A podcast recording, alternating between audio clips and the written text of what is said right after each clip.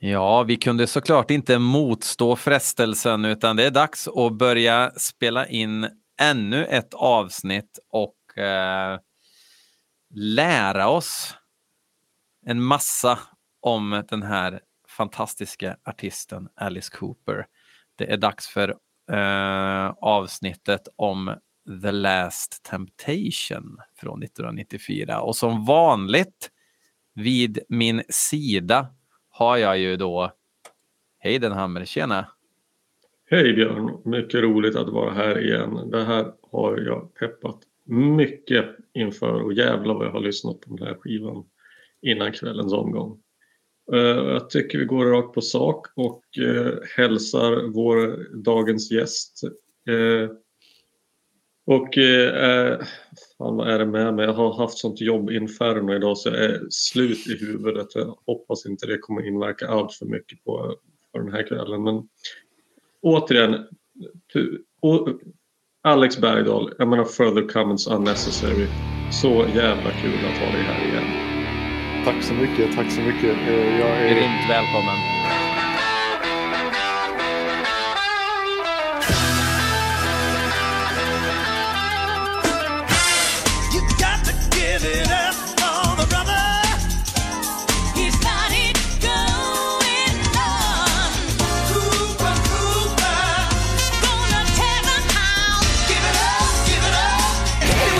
Gonna break it down. Jag är jättenervös och eh, det, här är, det här är speciellt för mig. Jag har ju, jag har ju bett om detta. Det, det kan vi säga. Va? Att jag, jag, jag måste få prata om The Last Temptation för jag har aldrig fått göra det i något sammanhang. Och, ja, jag är jättenervös och jättetacksam för att jag får vara med eh, igen. Så tack och hej och välkomna och tack ska jag ha. Mm. Uh, ja men alltså without further ado. Då tycker jag att, vad fan Alex, ta bladet från munnen, spill ja. the beans, Kör på. berätta. Ja. Får jag berätta varför det här är så speciellt för mig? Jo, 1994 eh, var jag fortfarande inte det här tokiga, tokiga Alice Cooper-fanet som har tatuerat in grejer på ryggen och sådär. Eh, men jag var ett stort Alice Cooper-fan och detta var den första skivan jag var med på riktigt när den kom. Jag hade sett fram emot den ganska länge. Jag gillade jag älskade ju Trash, jag gillade Hey Stupid. Uh, och nu skulle Alice släppa ny skiva och det första som hände var att uh, min väninna som skrev recensioner för Helsingborgs Dagblad ringde. Jag har fått Alice nya singel.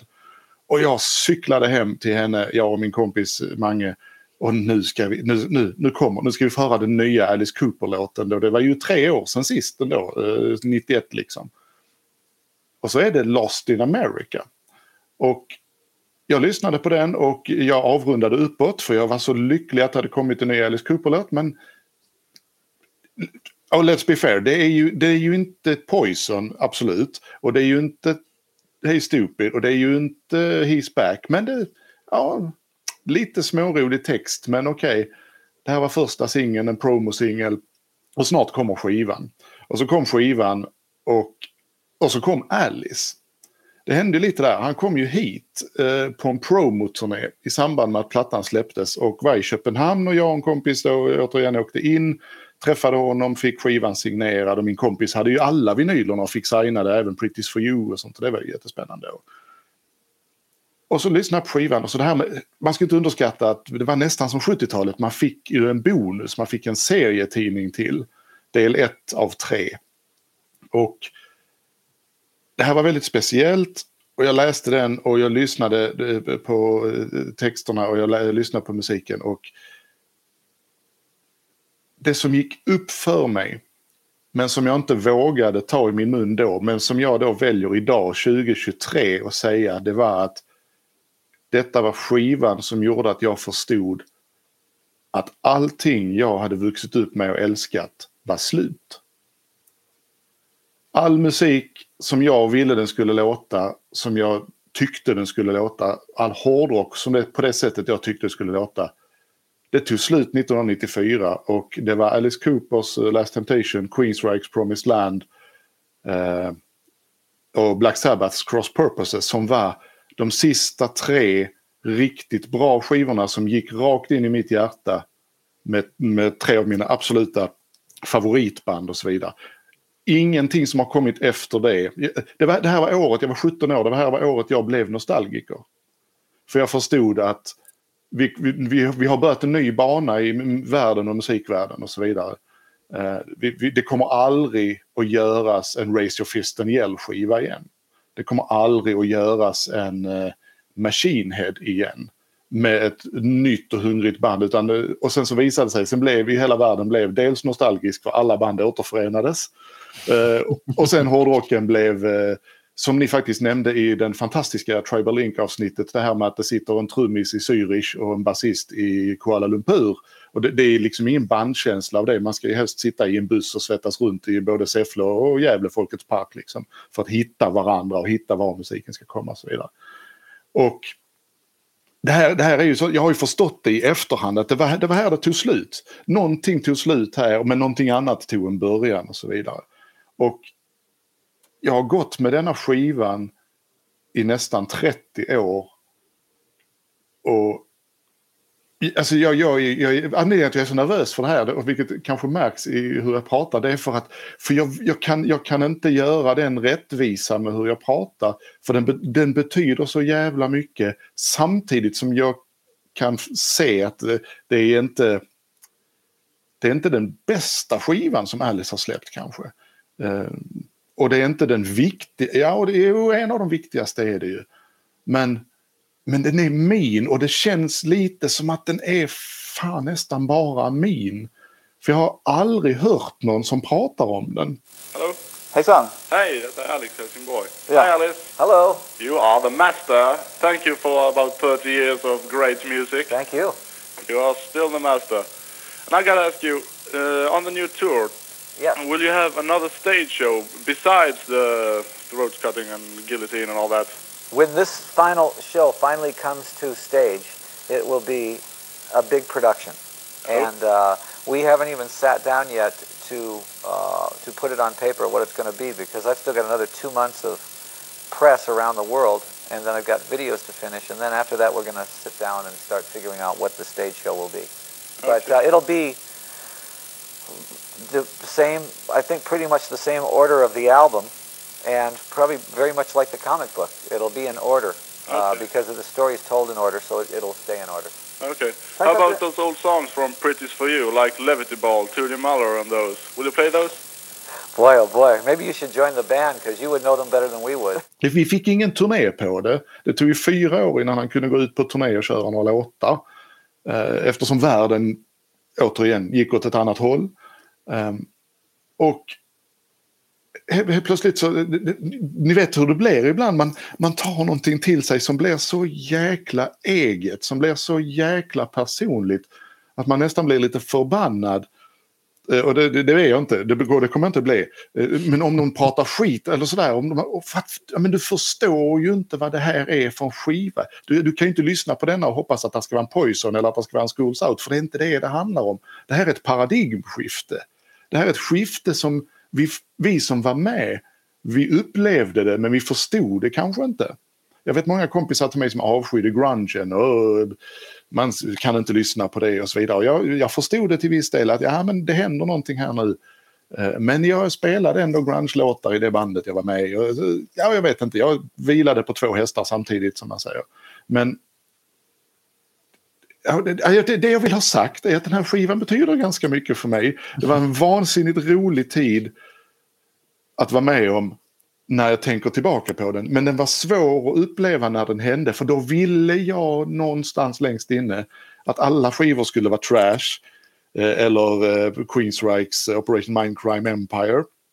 Eller eh, Black Sabbaths eh, Tyr, Headless Cross, Cross Purposes. Jag ville allt skulle vara det. Och när jag förstod att det, den tiden nu var förbi så, så, så hände det någonting med mig och antagligen växte jag upp lite. Eh, ingenting är beständigt, ingenting varar för evigt. Och framförallt av alla skivor som kom och, och kommer och så vidare så, så är det denna skivan som berättade det för mig att ingenting är längre vad det har varit men vi vet inte vad det ska bli. Och om du hade fått chansen att gå med i Theater of the Real som det berättas om i serietidningen till den här skivan i vilken man aldrig kommer att behöva växa upp i, då hade du löst biljett. Återigen, du, du sätter ju eh, fingret på, på grisen här direkt. Jag hade bara tillgång till tidning nummer ett i ganska många år. På Ebay tidigt 2000-tal fick jag tag i del två och del tre. Jag fick aldrig tag i omnibussen som var tjock med alla tidningarna. Eh, men efter några år fick jag tag i del 2 och del 3 och där fick ju historien sin conclusion och jag fick validerat mina känslor för skivan för att det var ju det här han ville berätta men jag fick aldrig riktigt veta det förutom då i låttexterna men de är lite knapphändiga kan jag tycka. Eh, så, och, och återigen då börjar jag fatta ännu mer vad det var jag hade varit med om där 1994. Så absolut, jag hade suttit i den teatern i tid och evighet om jag hade fått köpa biljetten då. Idag hade jag inte köpt biljetten.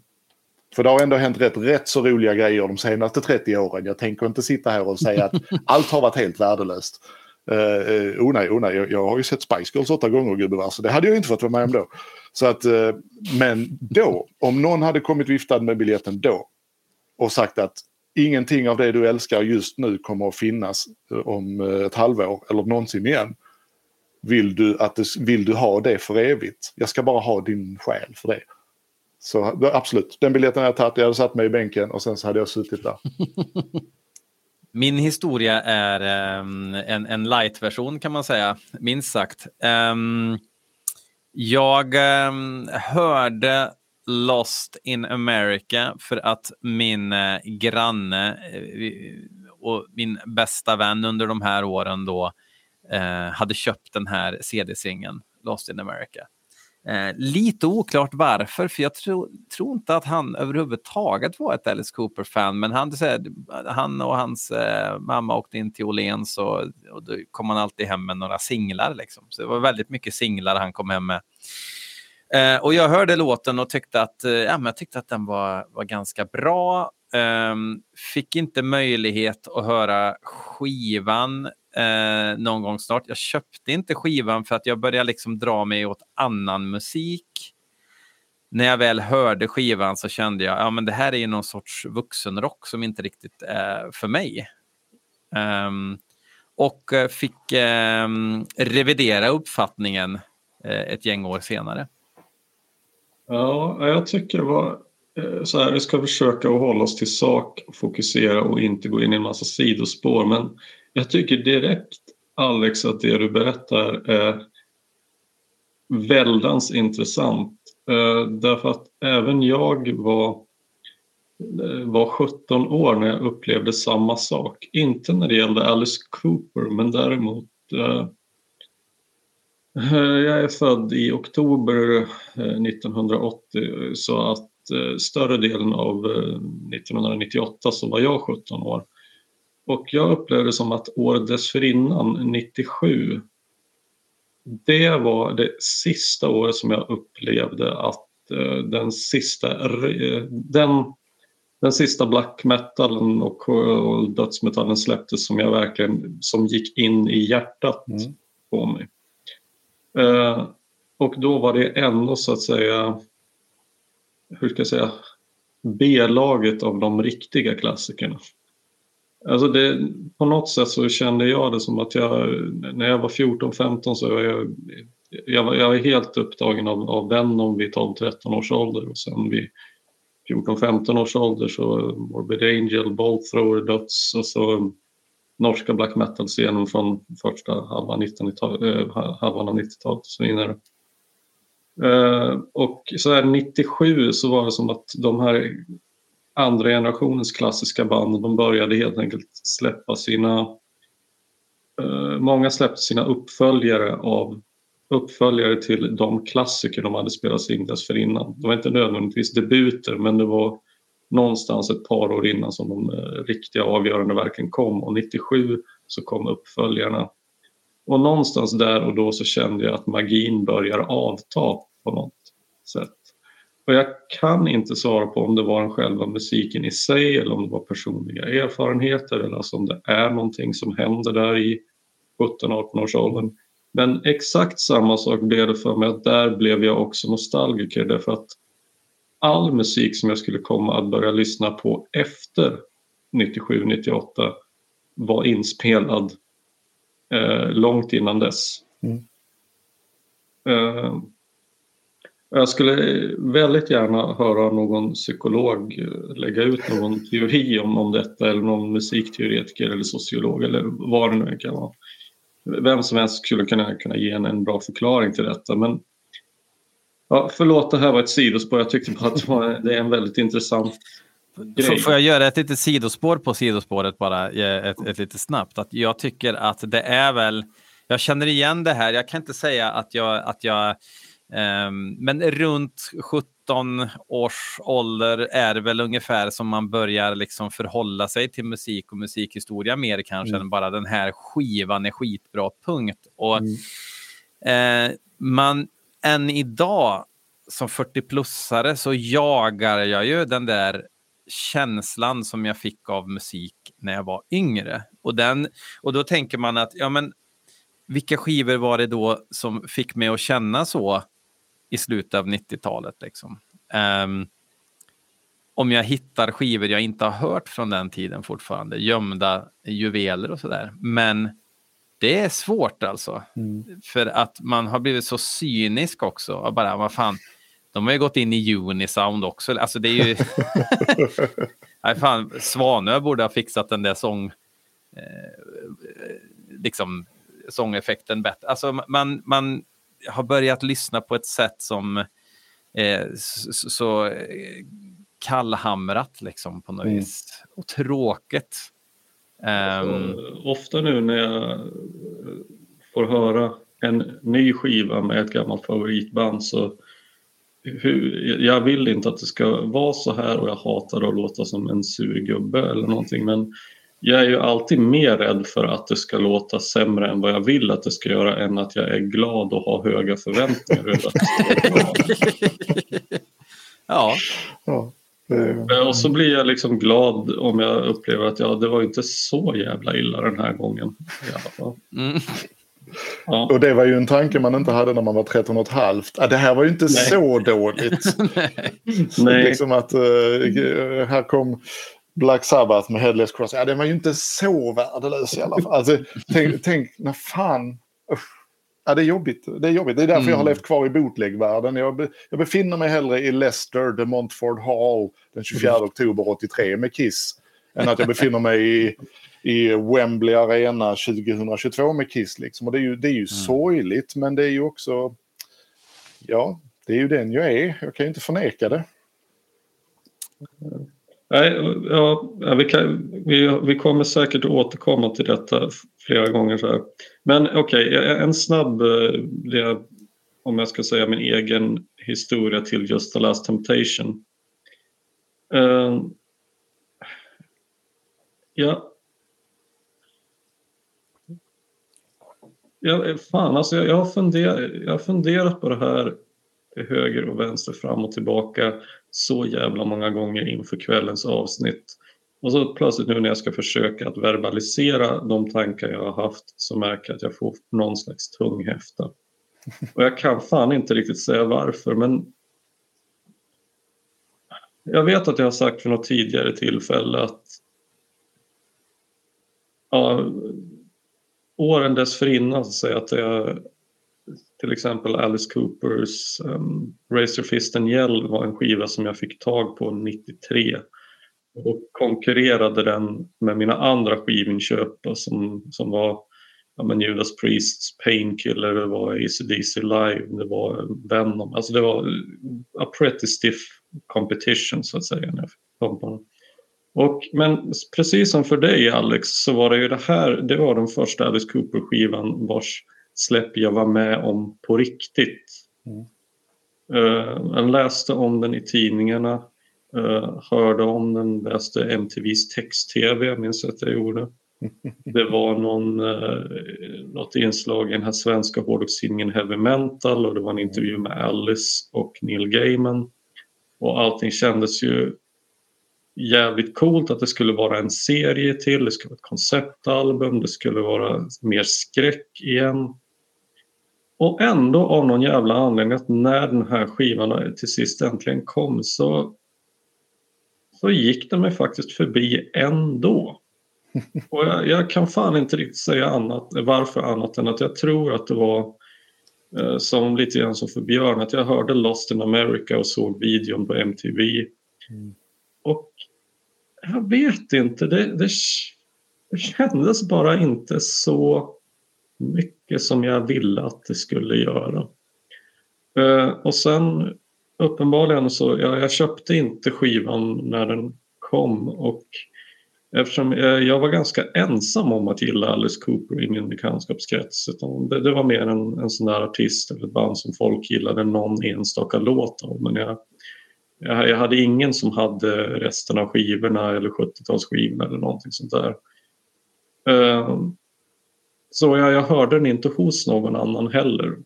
Och det här kan vara att jag bara inbillar mig också men jag minns det som att den här skivan faktiskt det var inte vardagsmat att stöta på den i skivbutikerna. Mm. Och den, eh, hade jag stött på den alltså något år efteråt i en reabacka men då vet jag att jag hade ju köpt den då i varje fall. Men den kom och den bara gick. Och jag hörde fan mig egentligen knappt förrän eh, flera år efteråt. Och den här serien fick jag heller inte läsa förrän som för dig tidigt 2000-tal. Men då var det faktiskt att min dåvarande flickvän hon fick tag i alla tre numren på, någon skiv, äh, på någon seriebutik i Stockholm. Uh, men jag tänker att vi, vi kommer till, eh, vi ska inte gå alla händelser i förväg. Jag tänker vi får, vi får prata mer om serien senare. Uh, jag, jag, märker det är jävligt mycket om den här mm. skivan. Det är så mycket kring den som du sa Björn. Alltså, det, det finns så många aspekter att ta upp. Ja, ja eh, alltså vi måste väl nästan eh, köra någon sorts bakgrundshistoria här eh, till vad som leder fram till den här skivan. Och det, det, känns ju som att det vore ju fruktansvärt om någon som jag skulle göra det när vi har Alex med oss. Eh, hey Stupid-turnén är över. Alice Cooper går och lägger sig eh, och tänker fan gött, nu är jag ledig ett tag. Vad hände sen? ja, det, och det är ju det man undrar, för det visste vi ju ingenting om då. Det, det konstiga var att efter hösten 91 så var ju Alice borta. Um, och jag kan vara helt ärlig, jag, jag har faktiskt ingen aning om varför han var borta hela 92 och uh, delar av 93. De skrev ju låtarna tidigt 93, långt innan de spelades in. Uh, och helt plötsligt så var ju inte Desmond Child uh, välkommen längre. Bob Esrin och Dick Wagner var väl med lite grann på någon låt som det finns, eller som inte som det finns, men som de gjorde en demo på. Men de, de gick inte vidare i den talangauditionen tydligen. Uh, och, och sen blev det, men är det, jag, jag, vet inte, är det, är det musikvärlden som blev sån här att man helt plötsligt skulle kuska runt i lite olika studios och soundet på plattan blev ju väldigt dämpat jämfört med det storslagna ljudet på Hey Stupid och Trash och så vidare. Uh, var det att Alice satt hela 92 med fingret bara. Nu ska vi se, vad, vad händer mm. i världen här nu? Uh, han lär ju ha märkt att han inte kunde fortsätta och göra en till Hey Stupid-skiva i alla fall. Precis, det fanns det ju verkligen och vart inte. fan går man då? Ja. Och han kan ju inte köra Nirvana heller riktigt. Nej, det hade ju inte varit trovärdigt att göra en hel uh, platta. det hade känts väldigt kopia kan man ju säga, eller sådär uh, derivat. Mm. Det kan ju varit så att han, att han la liksom, ja, att han, att han eh, försökte liksom digesta omvärlden och musikvärlden, ja. vart är den på väg liksom. För att det var ju väldigt många som blev arbetslösa där. Ja. den här perioden. Fick börja spela på kåren istället för eh, Skandinavium och så vidare. Liksom det eh, Iron Maiden till exempel. Det är ett mm. typexempel på ett jätteband som helt plötsligt Nej, men om ni ställer era grejer i hörnan där kan ni väl spela lite medan vi pratar. alltså det är ju jättemärkliga år där som kommer för oss då som tycker att det här borde alltid vara störst i världen. Jag har ju en spaning också att alla, liksom, om man säger det, de, de mindre banden, de började anordna talangjakter och åkte runt i parkerna. För varenda ta person som höll... Talangjakter var ju skitstort runt den här tiden. Mm. Alltså 92, 93, 94, 95. Och alla såg ut att ha spelat i Easy Action som höll i den där. eh, och fick, och mm. fick liksom ibland kompa lite akustisk gitarr åt någon, eh, någon, någon Sara eh, 11 år som skulle sjunga Du vet väl om att du är värdefull och sådär. Och så. Mm. Ja. Nej, men så, det är ju spä det är en spännande tid, onekligen. uh, men uh, jag tänker att det är ju några av uh, jag tänker i och med att du nämnde Maiden och så här, det är ju 94 men det är ju också som att några av kungarna eller gudarna har ju abdikerat. Mm. Och det är ju, jag menar Dickinson hoppar av och Rob Halford är inte längre med i Priest. Så mm. Det känns som att även jag menar, hårdrockens mest förtrogna har kastat in handduken på något sätt. Mm. Och eh, Rob Halford ska köra med sitt fight och i avklippt flanellskjorta och jeansshorts och Dickinson ska typ halvt klippa håret och göra någon slags alternativ hårdrock med, under sitt soloprojekt. Mm. Eh, och en av anledningarna till att jag nämner just det, Dickinsons skiva Balls to Picasso från samma år, på något konstigt sätt så tycker jag att det finns någon mär något märkligt litet släktskap mellan de här två skivorna. Mm. Inte så mycket kanske i själva låtarna men ljud, mm. ljud mm. känsla, atmosfär. Det är som ett försök att göra mer mogen...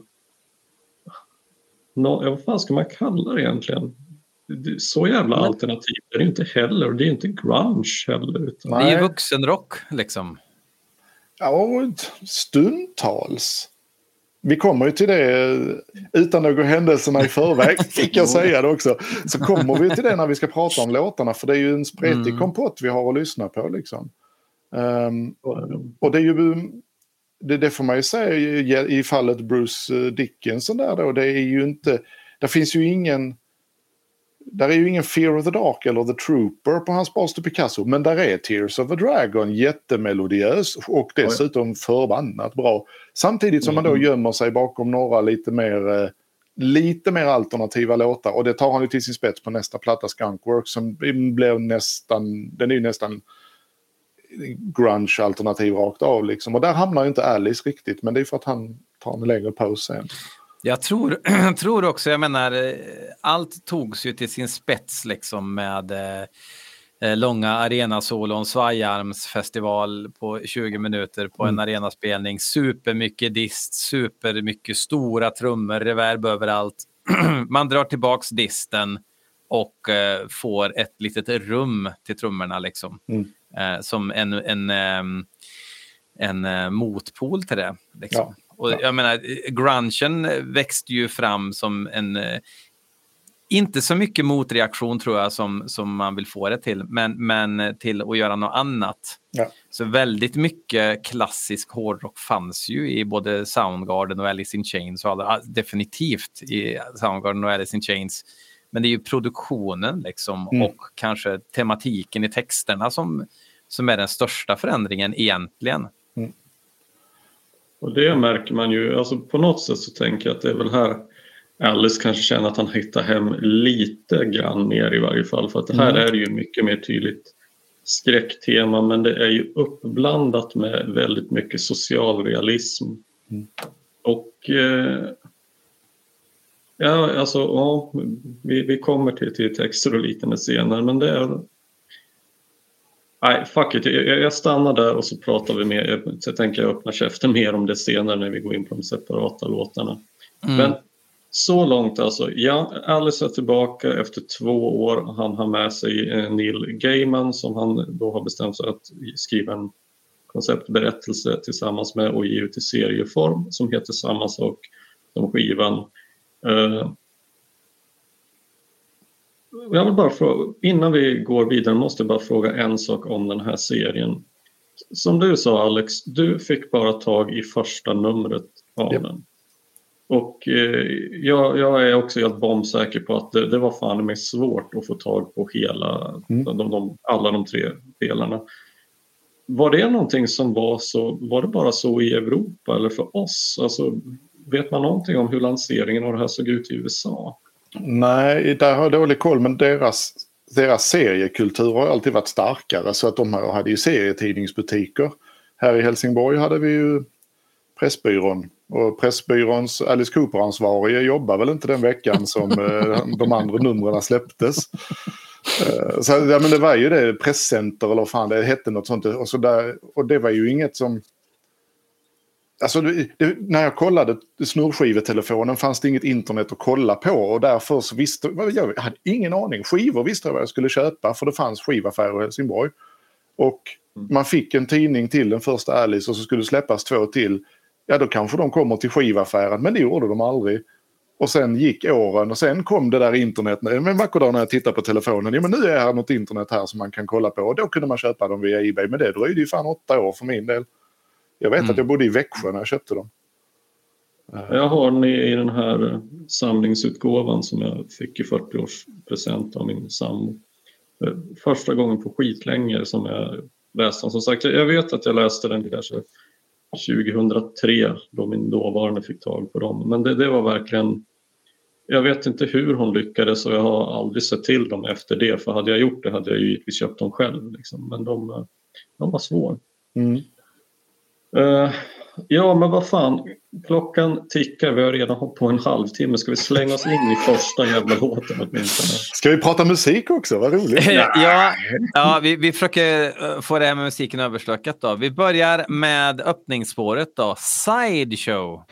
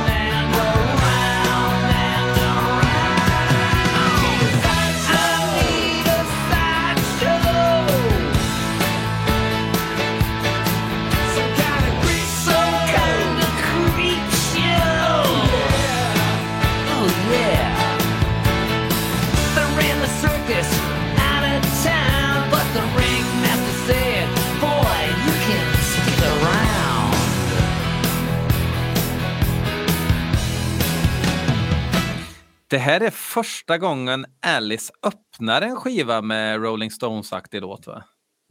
Det är väl Substitute som han har snott va? Då är det väl The Who?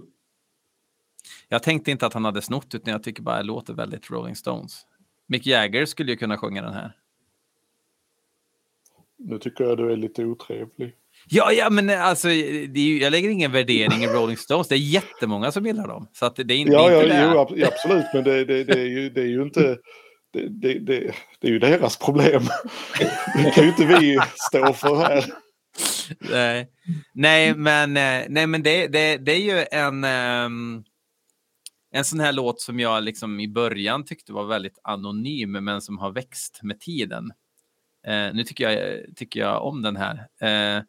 Lite uptempo, eh, optimistisk eh, historia eh, rent eh, melodispråkmässigt.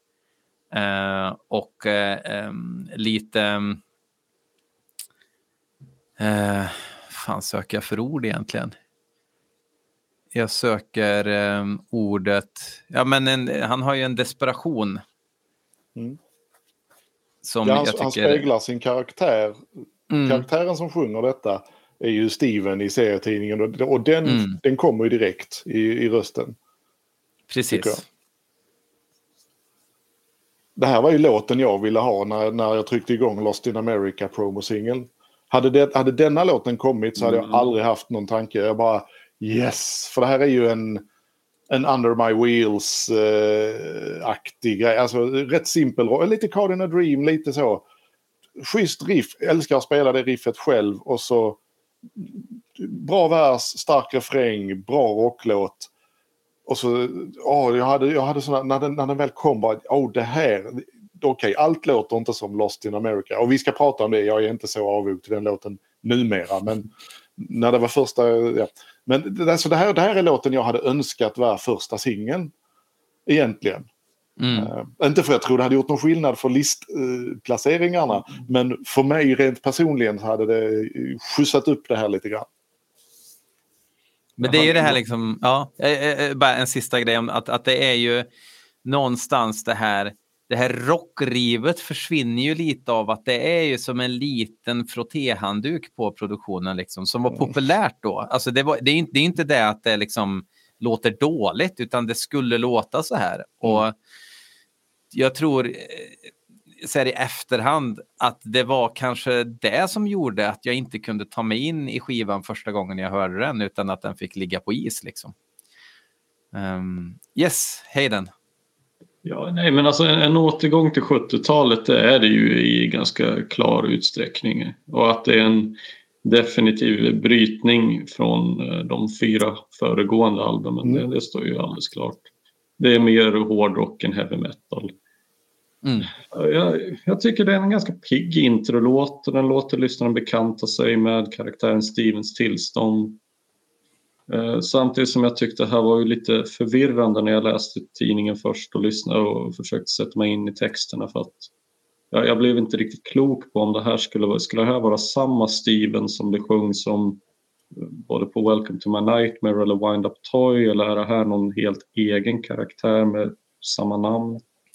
Ja, det var tvetydigt. Mm. Eh, spontant så här, det, det är ingenting jag själv riktigt går igång på men jag håller helt med om att det här borde ha varit någon slags singel. Alltså det, är- det, det är ju det här, den är representativ för Mm. albumet på ett Mm. sätt som eh, singelvalet inte var. Den sätter tonen för albumet. Ja, alltså. Man, man, kom, man, man blir inbjuden i, okej det här är någon spännande värld, vi ska se vad det här barkar hän. Eftersom de flesta som var intresserade visste att det ska vara någon form av tematik i detta.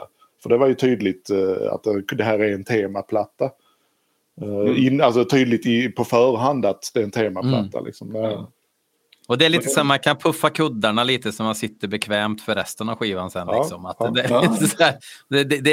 är- ingenting som det är ingenting som suger åt uppmärksamheten speciellt mycket utan den, den, den maler på men eh, ja, man, man blir på lite gott humör. Men jag tänker mig att den hade kunnat göra för att jag ser det här lite grann som What could have been. Jag tycker det är lite av ett bortslösa tillfälle för att jag ser den här låten framför mig på MTV med en jävligt färgstark video och Mm. hur tematiken beskrivs med Mm. Ja men man får se Alice i rollen som the showman kom och liksom, kom in, kom in och Mm. eh, vad fan budget, jag menar Epic var ju, var ju ett ganska stort skivbolag så att jag menar pengar till promotion det fanns ju. Mm. Och jag, jag fattar inte riktigt varför man inte gjorde någonting av det. Eh, speciellt inte när hela promotion aspekten av skivan mer eller mindre gick ut på att det var Cooper och Gaiman. Alltså här Mm. har man gjort en, en stor jävla kollaboration som ska förena hårdrocksnördar med serienördar och alla i extas och så bara kastar man bort det. Ingen turné, ingen video. En, en serie som kanske släpps i, ja det är väl första numret som kommer med som promotion till skivan i någon Mm. första utskicken och sen så, så gör man ingenting. Men är det inte lite lustigt egentligen om man tänker så här, okej vad, vad är grejen? Okej, en, en seriemakare och en eh, eh, hårdrocks inom citationstecken artist då ska göra en kollab kollaboration och de här världarna ska gifta sig. Så, så byter man sound när det är dags att släppa. Det är också lite, det, det kanske skulle varit jättehårdrock då så att jättehårdrocken och serietidningsvärlden skulle mötas egentligen. mm. Man blir ju väldigt nyfiken på hur snacket på skivbolaget egentligen gick. Alltså, det jag skulle vilja veta, alltså jag skulle vilja ha en ärlig Alice som svarar på det här. Att var det så här du ville att det skulle låta i så fall? Och jag, jag kan Mm. tänka mig att det var det, men vad fan hårdrocken är ju lite en identitetskris. Och jag tänker, är det någonting som kanske är ute mer än vad traditionell hårdrock är så är det ju humor. Och det är att allting som förknippas med hårdare rock vid den här tiden ska ju vara så jävla dystert Mm. och allvarligt. Mm. Mm. Mm. Och här blir det ju då lite besynnerligt för Alice Coopers del som alltid har velat ha glimten i ögat Mm. och menar att men jag pysslar med humor på scen när man hugger huvudet av folk så är det dockor Mm. och det är kul. Eh, men det, det är som att det inte, det får ju inte direkt spelrum här. Det är som glimten försvinner. Och så, sen Mm. håller jag också med om rent musikaliskt eller ljudbildsmässigt att eh, det är klart kompetent men jag tycker att sången är lite väl låg mixat och att det hade behövts mer umf ifrån sångens håll för att verkligen ta tag i lyssnaren från start Mm. och säga att jag är showman och du ska höra vad jag har att säga. Mm. Mm. Sen, ja, en bra låt men lite av ett wasted opportunity tycker jag. Mm. Då hoppar vi vidare då till Nothing's Free.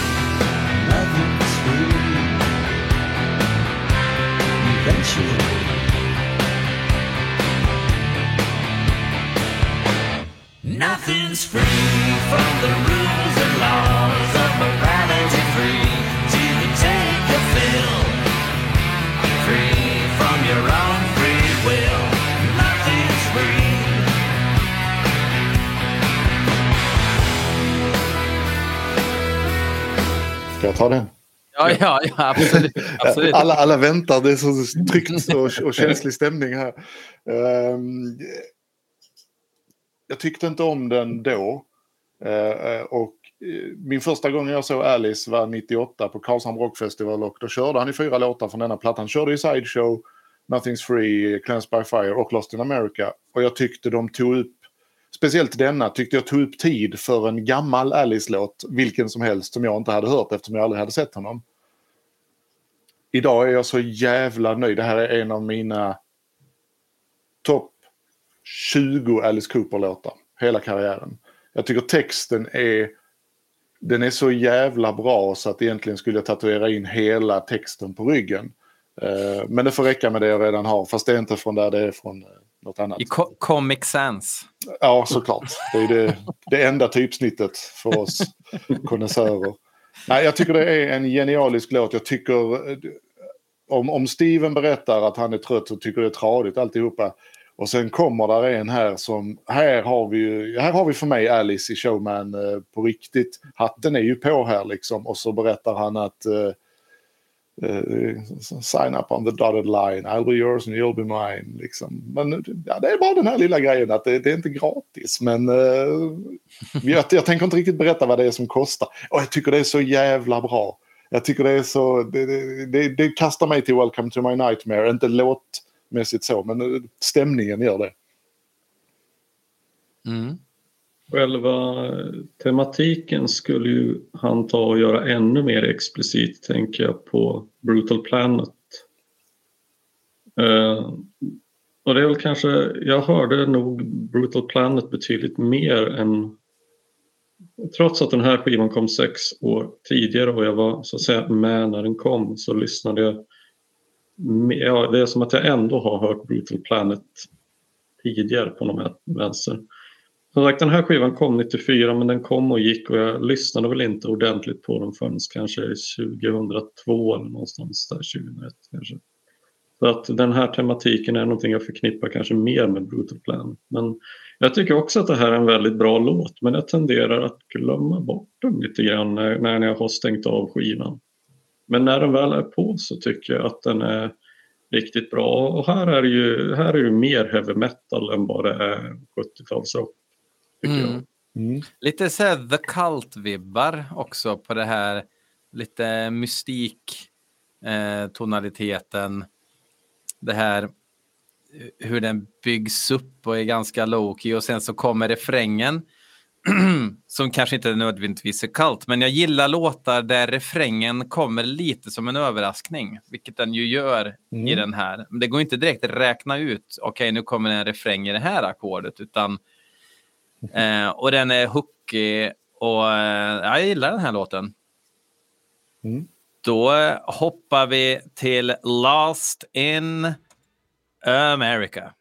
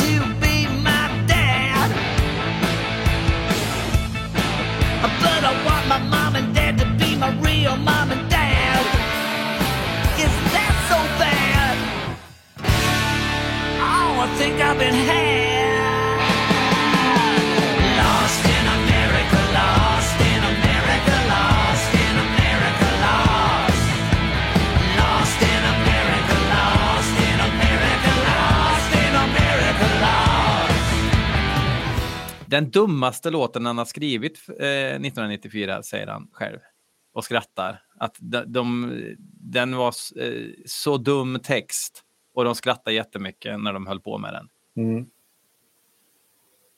Jag tycker texten är, den är enkel men den är ju fyndig. Alltså jag gillar den här moment 22 situationen som han beskriver. Mm. Uh, sen så kan jag ju tycka att I can't go to school cause I ain't got a gun är kanske en uh, textrad som känns rätt kall nu för tiden. Vi är väl uppe ja. i 22 skolskjutningar i USA enbart under förra året. Det Fast det är ju på grund av det som han sjunger så också. Han, mm. han, alltså han, han, uh, han driver ju med hur, hur bisarr situationen har blivit. Den han ser någonting framför sig ju.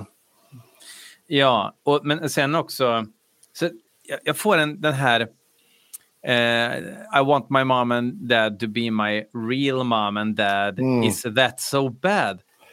Vad betyder, menar han i den textraden att är det så fel att tycka att det är rimligt att en familj har en mamma och en pappa? Han är ju kristen och det hade han väl börjat bli ordentligt på den här tiden. Så att, eh... Det finns kristna bögar, det är inga problem. Alltså jag har nog alltid tänkt mig på den textraden som att det är någon slags indirekt kritik mot eh, alltså styvföräldrar eller att kärnfamiljer löses upp. Att han säger ja. I want my mom and dad to be my real mom and dad. Det är så hemskt att jag känner så mot min styvpappa snarare än är det så hemskt att tycka att det är rimligt. Ja, mer det senare har jag tänkt. Men alltså, jag kan ha fel. Jag, jag vet faktiskt inte nu när vi pratar om det. Man kan väl tolka det på flera sätt. Jag det tänker just det- det här tillägget is that so bad. Ungefär som att han... Ja, men blir Eh, inte det liksom, ja. men är det så dumt att jag vill att mina riktiga biologiska föräldrar ska vara ihop istället för Mm. någonting annat? Mm. Ja, det är så jag har sett på det i alla fall. Ja, man får, ju, man får ju lyssna på det i karaktär också. Det är ju inte nödvändigtvis en social kommentar utan det kan ju vara att Nej. det här är Steven som pratar. Och han hade helst sett att föräldrarna höll ihop. Vi får ju ingen bakgrundshistoria till varför föräldrarna är skilda och så vidare. För han hade ju nog inte sagt så om det hade varit så att den ena föräldern pucklar på den andra eller att det fanns missbruk, eh, och så. Men det får, vi får ju ingenting sånt för det är så lösryckta meningar i den här låten. Mm. Eh, Men i Men- serietidningen så får man ju träffa Stevens föräldrar och det verkar ju vara en kärnfamilj. de, är ju, de är ju supersquara. Och det, Ja. och det, är det här då den första gången som... Jag, jag vet att min, min kära vän eh, Carl Linnaeus eh, pratar mycket om Kiss the Elder, att han tyckte det var jobbigt att lyssna på den då på 80-talet för att temat hängde inte ihop och så vidare. Det var ju inget jag begrep, jag förstod ju inte texterna i vilket fall. Men är det här första gången som temat lossnar inte riktigt? Eller så här, Sideshow Nothing's Free, den bygger upp skräckmässigt. Lost in America känns väldigt känns som en typisk Alice throwaway-text tycker jag. Jag försöker vara lite rolig som jag har varit tidigare. Jag tycker rimmen är dåliga. Jag tycker, jag tycker faktiskt det är en ganska dålig text i en förvånansvärt dålig låt. Eh, eller basic låt, det händer ju nästan ingenting. Eh, Alltså det är väl, jag, personligen så, jag, jag gillar, jag kan tycka om att slå på den för jag tycker att det har ett ganska bra groove eller vad man ska kalla driv från början. Eh, och sen så gillar jag versen mycket bättre än jag gillar refrängen för jag tycker den Ja. är så jävla antiklimatisk. Jag, jag fattar inte hur de tänkte på att eh, drum, alltså trumarrangemanget han ska spela på pukorna istället för vanlig hi-hat och virvel. Jag, jag tycker det, hela grejen bara sjunker som en sten så fort refrängen drar igång. Mm. Det är som att man fattar att ja, men idén har ju varit att här ska det ju vara en riktig jävla Hey Stupid 80-tals eh, arena refräng. Men det är ju som att nej nu får man inte göra det så att då vågar vi inte det. Utan då Mm. sänker vi det istället. Mm. det är så kalasdumt. Ja, det, det är ju... Ja. Jag, när jag lyssnar på Welcome to my nightmare så är ju inte The Awakening eller Devil's Food de två låtarna jag liksom bara drar igång. Nu ska jag verkligen in i den här skivan. Men de behöver finnas där för skivans skull. Och det är exakt så jag ser Lost in America. Därför tycker jag också det är synd att det är den enda låten som har överlevt. För jag tycker Sideshow hade gjort sig mycket bättre live Mm. 2022 än att jag tycker Lost in America gör det. Eh, sen är det ju en deep cut. Det är roligt när den spelas eftersom den kommer från en skiva som Ja, om, om få människor vet, eh, känner till 70-talsobskyringarna då är det ju ingen i publiken som känner till den här. Förutom då vi elva som gör poddar om eh, Alice och så vidare och så vidare. Mm. Nej, men alltså jag, jag, ehm, den, den förekommer ju på, eh, det är väl eh, Paranormal Evening, kör han väl den här också? Ja, precis. Det är 2017 Ja. så att den är med på den. Ja, den får vara med. Den får vara med. Alltså jag, jag tycker ju, alltså jag förstår ju att man är sugen på att köra den live, för den är, det är en vilolåt för musikerna. Eh, folk kan hoppa och få, ja men den här har jag nog hört, Lost in America, jag kan vara med i refrängen. Men den är, ja, den, är verkligen eh, en, en, en skipper, lite grann. Nu, nu ska jag säga att jag har inte sett videon på ganska länge men det är väl... Eh, är det någon av er som säger, kan jag säga, får man se någonting av serien i, i videon? Eller för jag minns bara att eh, Alice som står utan smink, det är ganska rakt upp och ner. Det är väl någon Och slags snabba klipp i bakgrunden, va? Är det inte det? Snabba klipp, suddig, eh, Mm. i- ur fokus som allting skulle vara 94 också. Och Mm. sådär. Jag vet inte fan om det var något från serien. Eh, Jag tror inte det. nej, jag tror inte det heller. Det hade ju varit ett ypperligt tillfälle att promota serien Ja, i jo. den enda videon. Gjort Ja. en aha där med Take On Me, gjort en sån video Ja. liksom med Ja. showman som kommer förbi och så vidare. Ja. Det hade varit perfekt. Fast till en helt annan låt hade man kunnat göra det också. Hellre sideshow. Ja, men alltså man kan ju säga så här, för, förebilder fanns ju. Alltså, aha, definitivt. Men jag tänker också på att alltså, Entombs Wolverine Blues som Mm. var ganska stor. Jag menar, de mixar bilder ifrån Wolverine-serien med Som de inte ens hade godkänt själva riktigt. Det var helt och hållet skivbolaget. Wolverine Blues-skivan hade ingenting med seriefiguren Wolverine att göra överhuvudtaget. De hade inte ens tänkt tanken själva. Men han, alltså Alex Hellids står ju i en Wolverine t-shirt i videon. Ja, men alltså då är det skivbolaget som sa den här ska du ha på dig. För de, då hade Earache hade någon deal med Marvel. Åh fan. Så att det var... Heter, vad sa ni att skivan hette? Sa ni? Batman? Nej, Wolverine Blues. Okej. Ja. Med blues uppföljaren. ja. Så det blev ju bra. Nu, ja.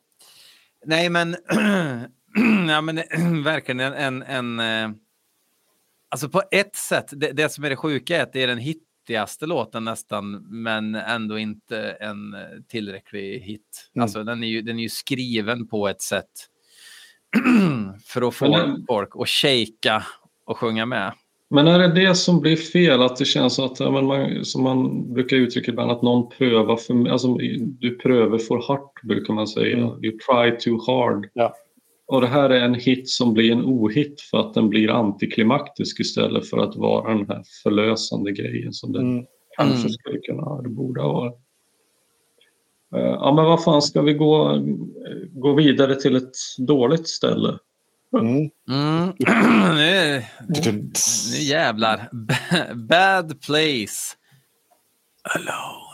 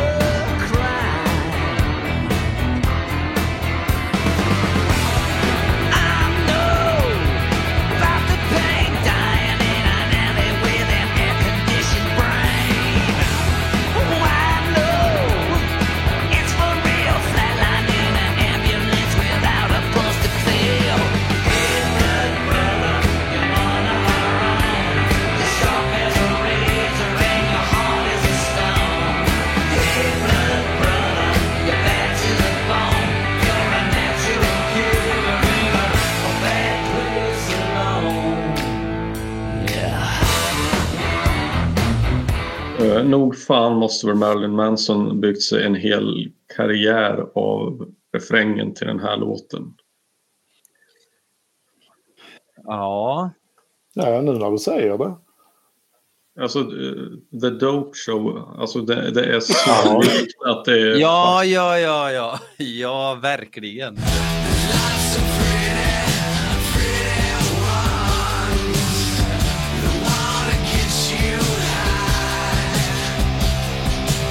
Life's so pretty, pretty, ja. Det är ju inte så att Alice Cooper eller att Marilyn Manson aldrig har hört Alice Cooper heller. Det vet vi ju. eh, Alltså, han har ju erkänt saker han har Ja. snott ifrån Alice. Så att... ehm, jag, jag, jag, jag, tycker den här, jag tycker den här låten... eh, Det är också en sån här låt att... Lite schizofren sådär. Det är ju en, det är en ganska märklig grej. Alltså det är först eh, stompa två, eller två takt, två fjärdedels, fyra fjärdedelar. Och sen så är det shuffle rock i och, och temposkiftning i refrängen och så är det ytterligare lite mer udda delar senare. Jag, vet, alltså, jag gillar refrängen, jag tycker den är catchy och det, det är bra men jag har aldrig varit speciellt svag för när man blandar eller när man gör sådana här temposkiftningar. Sånt där. Det är sällan jag tycker det lyckas. Men det kanske bara är jag. Delar av låten tycker jag så om och andra delar kanske inte så. Den kommer från en demo också som hette just Blood Brother. Eh, eller Blood Brothers. Nej, Blood Brother. Och det, man kan, jag har inte hört den men man kan ana att det är refrängen som är från demon då. Och att man, Mm. nej vi, vi måste ha en bättre vers, vi måste, det måste hända någonting eller någonting sånt liksom. För den, det, det, den, det var typ som jag förstod det när jag läste i den här Illustrated Guide så, så var det en färdig låt i alla fall. Men att man valde att skrota den men behöll delar av den till Bad Place Alone. Och då passar det ju in lite i, det passar framförallt in i texten. Ehm, för det, det, det här är ju en av de få, det är nog fan den enda låten, ja, möjligen den sista också, som faktiskt har en sektion i serietidningen Ja, som är tydlig. Att, och, och man blir presenterad för de här karaktärerna. They call me Smokey Joe. Lite jobbigt tycker jag. Eh, det, det blir, storytelling är ju en fine art som det heter. Och även om jag förstår vad han vill berätta här. Han vill berätta om de här karaktärerna som i det ruttna livet som du har framför dig som, som du kan slippa då. Eh, så blir det lite för mycket skriva på näsan. Han kunde gjort texterna lite mer Alice underfundiga. Eh, det saknar jag, för det, här, det är lite för mycket skriva på näsan. Kanske för att just den här, för det, det, jag tror det, det är nog bara denna texten som är sån. Och det är kanske just för att den kommer nästan tagen ur serietidningen som ju är att rita på näsan, inte skriva. Eh, Mm. Det kom jag på nu faktiskt, att det, det, det skulle kunna vara så. Så det är nog rätt. Ja, jag, jag tycker det blir lite så här, nu kanske folk eh, tycker att jag tjatar för mycket om serien men jag vill ändå påstå att idén här var att det skulle vara en kollaboration och Alice ville det också, skivbolaget ville det definitivt och förmodligen även Gaiman så att då tycker jag att då, då får man se det lite grann som två sidor av samma mynt. Att det är en historia som ska berättas här och den ska vara grafisk. Och jag, jag tycker jag är så jävla kluven. Alltså jag, det är delar av den här låten jag gillar och det är delar av texten. Men det är någonting i helheten och även eh, så att säga illustrerat i själva serierutorna och berättandet som jag kan inte säga det på något annat vis. Det, det skaver på någon vänster. Alltså det, Men det flyter jag, jag någonting, som, en, en, någonting som jag har tänkt på under den här eh, poddserien, det är ju att det känns som att Alice är väldigt intresserad av att låtarna ska kunna stå ensamma hela tiden och att det kan vara det ibland som sätter käppar i hjulet för temadelarna av skivorna. Att du ska kunna lyssna på vilken Alice Cooper-låt som helst och inte behöva ha någon backstory utan den i sig ska funka som en egen entitet. Det funkar ju inte med King Diamond på samma sätt. Eh, där det är väldigt tydligt var vi är i handlingen i en låt. Eh, men jag kan inte komma på många låtar eller alltså, jag har inte ens gett mig på det, men finns det någon låt som inte makes any sense om man hör den ensam och inte har hört resten av skivan? The Awakening. Ja, För, det, för den, den, Ja. den, den förstår man ju knappt om man hör hela skivan. Nej, och får, och får du då inte backstory på den då blir det ju hart när omöjligt att begripa vad fan är det jag lyssnar på. Är det han som har gjort Poison? Ja. The, the Kid A Break är ju rätt svårförståelig också. Ja. Dada, introt. Ja, jo, absolut. jo, men de är ju svåra i sig. Fast men, Dada, eh, nej, Dada funkar fan standalone. Man behöver inte lyssna Ja. på skivan. Man får ju fan hela skivan faktiskt i första låten. Ja, I och för sig, du har faktiskt helt rätt. Ja, nej, nej, men jag antar att det, det, som gör det, det som gör det lite konstigt här som jag ser det, det är ju att det... Jag fattar att man vill göra något som kan stå på egna ben eh, och det är väl gott så, det tycker jag man bör sträva efter. Men här blir det lite för apart ifrån hela upplägget. Och det är någonting jag tycker att hela skivan lider lite grann av. Mm. Jag, jag stör mig på när, när det ska vara ett konceptalbum och jag tycker, jag tycker inte att det egentligen är det. Nej, Mm. Det är ju någonting vi har återkommit till ganska många gånger. Jo, alltså det verkar ju vara en äh, Alices modus operandi för att uttrycka det så. Och det, alltså, man, det kan väl göras bättre och sämre men ett annan, en annan skiva som är lite sånt där mellanting som skulle vara en konceptskiva men eh, när man granskar den kanske lite mer i sömmarna som brister på sina ställen är ju jag tänker på, på Maidens Seventh Son of a Seventh Son. såklart. Ja, det, ja det, det finns en, en main story och, och liksom man, man ska väl, man kan på sätt och vis följa den från början till slut men med handen på hjärtat, det är ju inte Abigail. liksom. nej, Nej. nej. Det, nej, det är det ju verkligen inte. Men jag, jag ser faktiskt Last Temptation. Jag, jag läser tidningarna eh, och lyssnar på skivan en gång eh, om året minst. Men framförallt jag tar fram den när, när hösten verkligen gör, kommer med sin första dag. Och det är lite gult i träden och sånt. Det är lite halloween för mig. Och jag ser skivan som ett soundtrack till serietidningarna om jag ska vara riktigt ärlig. Alltså att musiken kapslar in mig i den här tiden och historien som berättas i serietidningarna är storyn som jag tar med mig. Om vi säger så. Eftersom det är Mm. svårt att ta med sig de enskilda låtarna. Men det är ju ett jätte, där är en skitintressant grej du är inne på tycker jag. Är, detta, är, skivan ett soundtrack till serien eller är serien en illustration av vad som man hör på skivan? Precis, vem är Kiki och vem är Bettan och Lotta i detta? Mm. Det vet, det vet vi inte.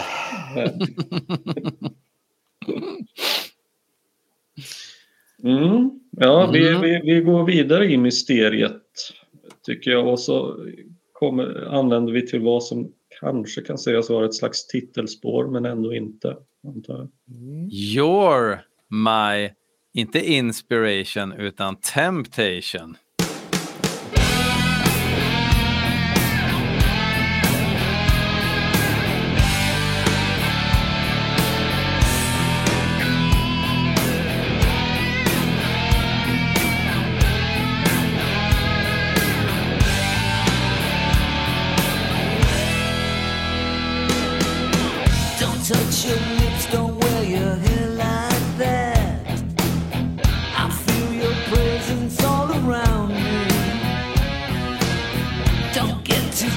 Don't move your eyes like that.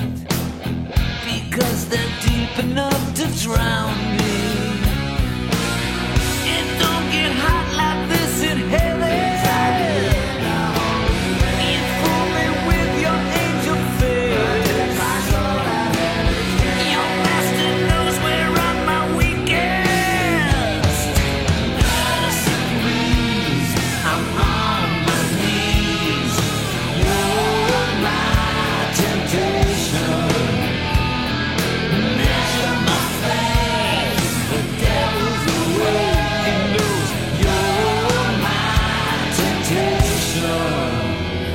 Den här tycker jag är jättebra.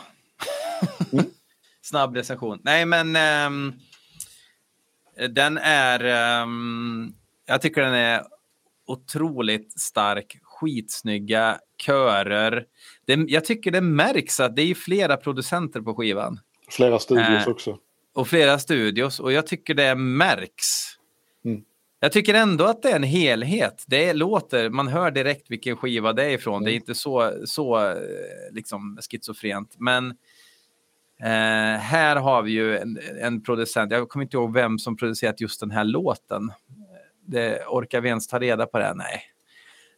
Men det är väldigt mycket vokalarrangemang på den här Mm. som jag tycker är jävligt snyggt. Ehm, speciellt liksom när man verkligen lyssnar i lurar. Uh, svinbra, liksom. Jag, jag tycker det är en bra mood, liksom, hur den, eh, hur, den, eh, hur den är uppbyggd. Stark refräng. Man kan ha den på huvudet i flera dagar. Det har jag ofta. Den är ju otroligt catchy. Jag tycker också Mm. det här är, för mig, jag, jag tror att jag tycker att det här är skivans bästa låt. Mm. Så är en, jag gillar att det är en föraning om hur de två följande plattorna skulle komma att låta lite grann. Att här, jag tycker det är en jättebra övergångslåt mellan Hey Stupid och Brutal Planet. Och det, jag tycker att den här hade nog utan problem kunnat också vara med på Hey Stupid med, med syntbas och explosionsvirveltrumma. Det, det, är liksom, Ja. det är jävligt tungt men det är bra och lättnivande melodi. Det är supercatchy och jag gillar att ingenting krånglas till i onödan. Men det är en ganska perfekt balans mellan 80-tals ljus och 70-tals mörker. Typ, med en föraning om vad som komma ska. Vi har ju pratat om det, vi pratade om det när Alice Cooper togs upp i Tribal Inc-podden. Eh, det blir kul om 30 år om, någon, om de här ligger ute på nätet fortfarande och man följer just den här serien och Tribal Inc-podden. Eh, men i alla fall, eh, vi pratar om men vad, vad gör Alice Cooper då om Tribal Inc är en produkt och sådär. Men vi har ju också, tycker jag, kommit fram till oftast att de bästa låtarna är ju de där Alice Cooper kommer fram som bäst. Liksom de låtarna där, där det spelar ingen roll vad det är för sound. Liksom. Mm. Och, eh, Det här tycker jag är, är lite en sån låt. Det är super 1994 det här liksom. Eh, men jag tycker ändå liksom att hans lynne kommer fram i den här låten. Jag tycker snarare den är lite tidlös faktiskt. För det, det här är en av låtarna som inte, som inte låter så mycket... Ja, tro, det- för, förstå mig rätt. Queensryche, Promised Land, eh, Bars to Picasso. Den har, den, denna och nästa låt har en lite, lite egen värld, eh, tycker jag. Och ni som är lite mu- musikaliskt bevandrade, eh, visst är det lite dissonant i verserna det här, det är väl något flat five-ackord eller något sånt. Det, den, den, det, Ja, och så det- sjunger han över det. Och det, det skaver Mm. ju lite, för det är ju inte Love's a loaded gun, utan det skaver Nej. lite. Nej, det är en dissonans där, det stämmer. Eh, Och det är ju en häftigt som stäm- fan. det- det Jag en är så immun mot dissonans så jag urskiljer dem inte längre. Men- Eller alltså det, det, det, det är egentligen, om man ska vara rent nördig, så är det väl inte riktigt en dissonans heller, men det är en slags stämma som brukar användas i lite skräcksammanhang och sådär. Mm. Och, eh, Mm. eh, da, da, da, da, da, da, da. Och så ligger Na, na, na, na. Du- Du tänker inte på den här kromatiska nedgången i, i refrängen utan versen Nej. tänker du på? Nej, Det är verserna jag tänker på. Vers och brygga, ska jag säga. Där ligger Ja, ett gitarrkomp som liksom ligger i... Mm. Och så sjunger Alice inte självklart över det utan han sjunger en stämma som är... Som vid första anlyssning kanske... "Va, Ska det låta så här? Men det är klart att det ska. Det hör man ju när man har kommit in i det. Men det är, liksom, det är inte Love's a loaded gun. Det är inte rakt utan det är... Det skaver lite. Det skaver på ett bra sätt. Det är en diminished fifth. Ah, Ja, det är ju, ett, det är ju en tritonus. Det är ju... Uh, Mm. I min fall, det är ju Black Sabbath. Du, du, du, du. Dun, dun, dun. Det är ju en kvint, en sänkt kvint. En sänkt kvint, ja. Ja, det är ju ett djävulsackord. Ja. ja. Så det är ju Black Sabbath. Jo, det är Ja. rock'n'roll. Ja, det, ja, det hör man ju nu när ni säger det. Uh, ja, nej, men, eh, nej, men det här, det här om jag, jag skulle säga så här. Gör jag ett blandband och slänger in en låt ifrån skivan så är det nog den här som åker på. Så skulle jag säga. Eh, det tycker jag däremot, ja. Ska vi ta nästa? Mm. Stolen proud. I walk the streets alone, with feeble bones I ride. My sins are etched in stone, I've got no place to hide. Well, I was unshakable in what I did believe. I feel so breakable, but have I been deceived? You showed me your paradise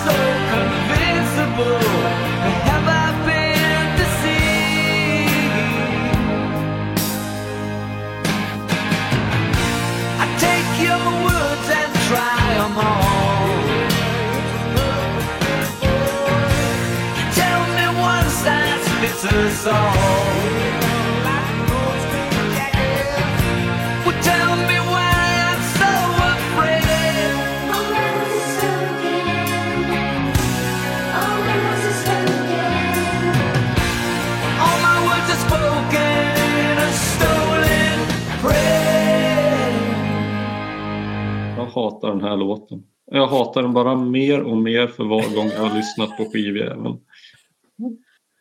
Nej, det här är inte min kopp sjukhussprit. Den fruktansvärda halvfalsettylen i bakgrunden. Och då snackar jag inte King Diamond-yl utan nej.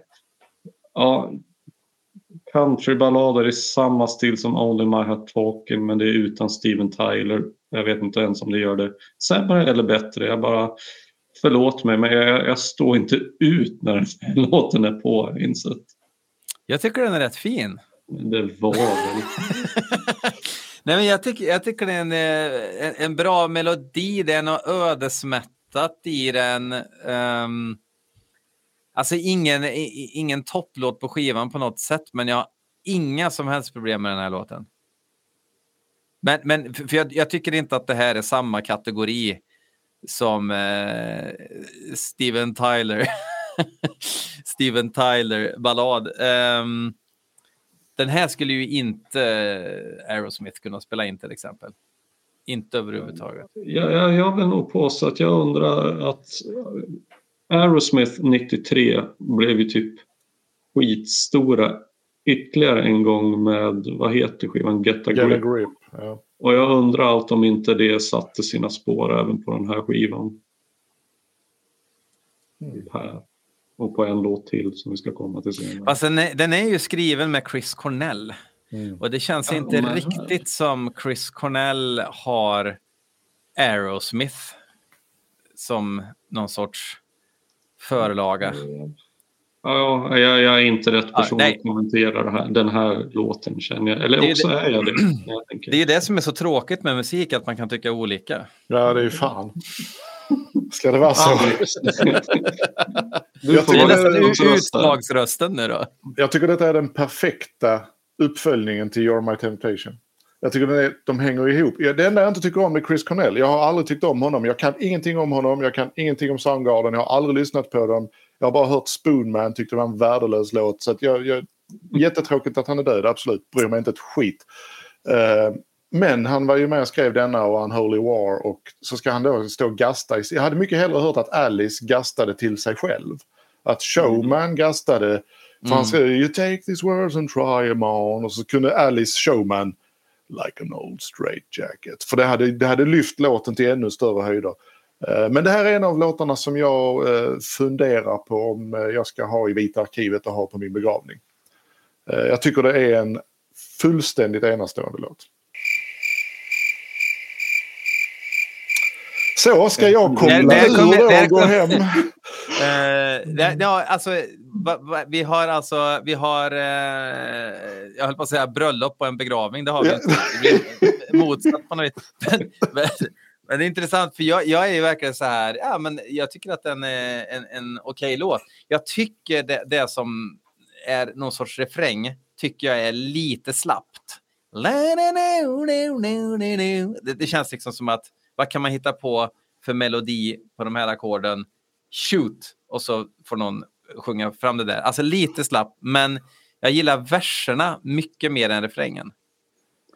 För de har något ödesmättat i sig som jag går igång på. Men en, Precis. fråga, en fråga här. Expl- alltså med tanke på att jag menar Soundgarden var ju skitstora på vid den här tiden. Och Chris Cornell. Alltså, blev det en selling point för den här skivan? Stod det på skivan typ featuring Chris Cornell och Soundgarden? Nej. Nej, ingenting. För det är ju ganska... gjorde- Det gjordes väl ingen video till, Sto- till Stolen Prayer? Oh, nej, oh, nej. Han pratar ju i intervjuer om att, eh, att den, här, den här skivan så fick det vara slut det här med att ha massa gästartister och grejer på och bla bla bla. I'm really happy with it. It's really, uh, I didn't really go all out this time with all the guest stars like I did with Trash and Hey Stupid. That was fun to do because it was all the people that I, you know, I, I sort of like I got all the people that I wanted to work with in two albums, and I said, okay, enough of that. You know, I worked with uh, Chris Cornell on this one uh, from Soundgarden. Was he really the only the only sort of guest star on the album, and it, that worked out really well with him. Nej, bara Alice Coopers new album plus exclusive comic book. Ingenting om gäster eller någonting sånt. För det skulle man ju kunna använt annars. Ja, alltså jag tänker om inget annat så brukar ju inte skivbolag banga för att... Alltså, jag, men- jag bara tänker så här, om jag hade, hade varit skivbolagsboss och jag på en av mina artisters skivor hade fått med alltså en av de, de största säljare, alltså de största Mm. banden i Skriken just då, nog fan hade jag velat ha med det. Mm. Och i någon video, absolut. Så att eh, på något sätt så kan jag väl i och för sig känna att då, då blir det lite hedligare på, på någon vänster. Alltså att eh, ja, då är det väl en låt han tycker om då. Ja. Eh, utan att göra större väsen av det. Men jag, jag vet inte, för varje gång jag har lyssnat på den här skivan inför kvällens omgång så har jag tyckt allt sämre om, om just den här. Så att jag, det är nästan att när den drar igång så känner jag att fan håret reser sig en gång. Ja. Det, är- ja, det, det, är- det är fan lustigt att... Det, det är så otroligt lustigt att du känner så. För jag tycker verkligen att, att den här... Jag kan förstå att man inte gillar den här typen av låtar, men den här är ju verkligen inte extrem åt något håll. Liksom. Den är ju... råder ju delade meningar om den saken. Ja, uppenbarligen. uppenbarligen. Ehm, men hörni, Unholy War.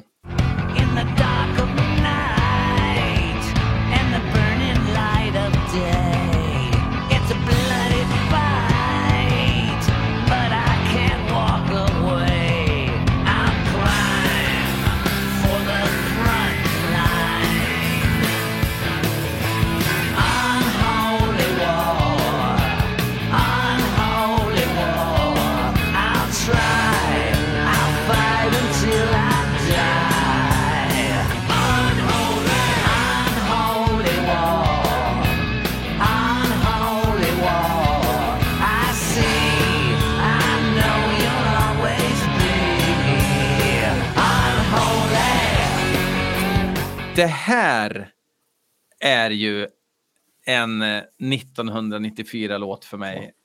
Uh, det här är det sämsta med rockmusik tycker jag. Uh,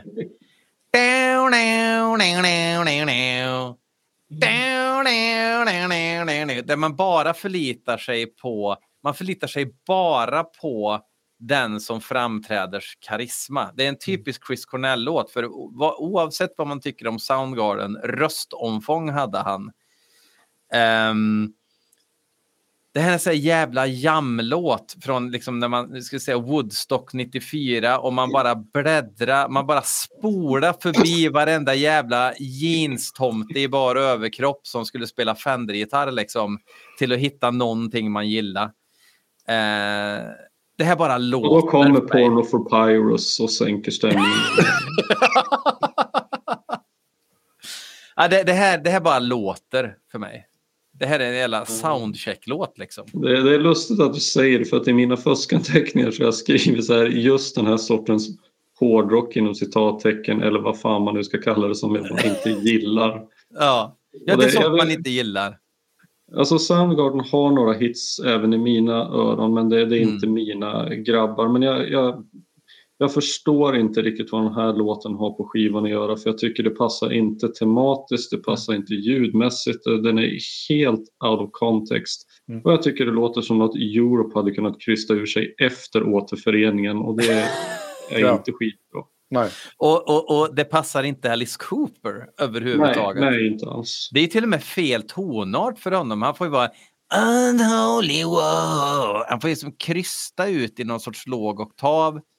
Tusen spänn på att gitarristjäveln är barfota när han spelar gitarr också, bara för det. Ja, men det ser man ju. Ja, pärlhalsband. Ja, men naturligtvis. Och dessutom så texten har ju fan ingenting med serien att göra. Alltså det, den känns verkligen som, hur hamnade den här? För det känns som en bortglömd Soundgarden-demo eller någonting.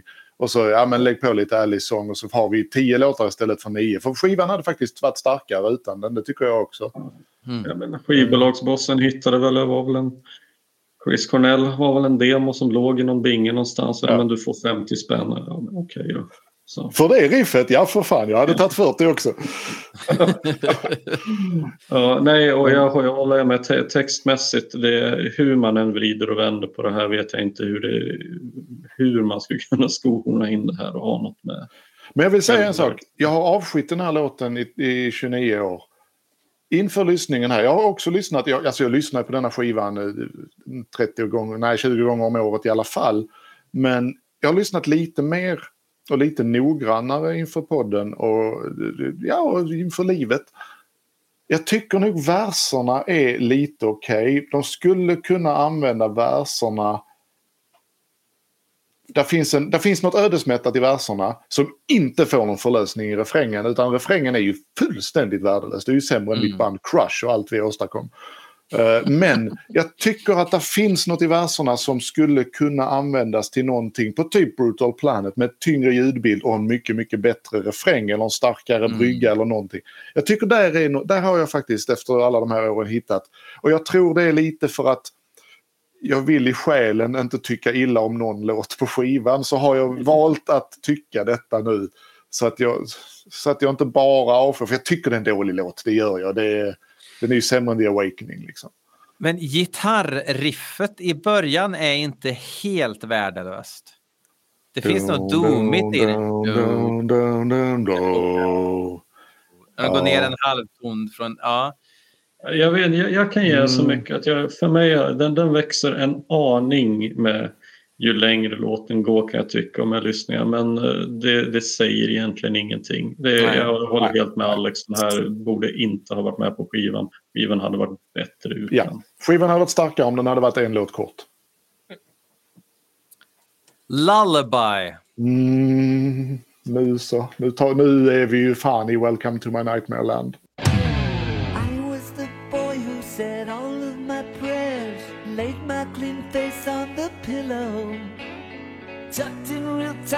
So safe and secure through the night.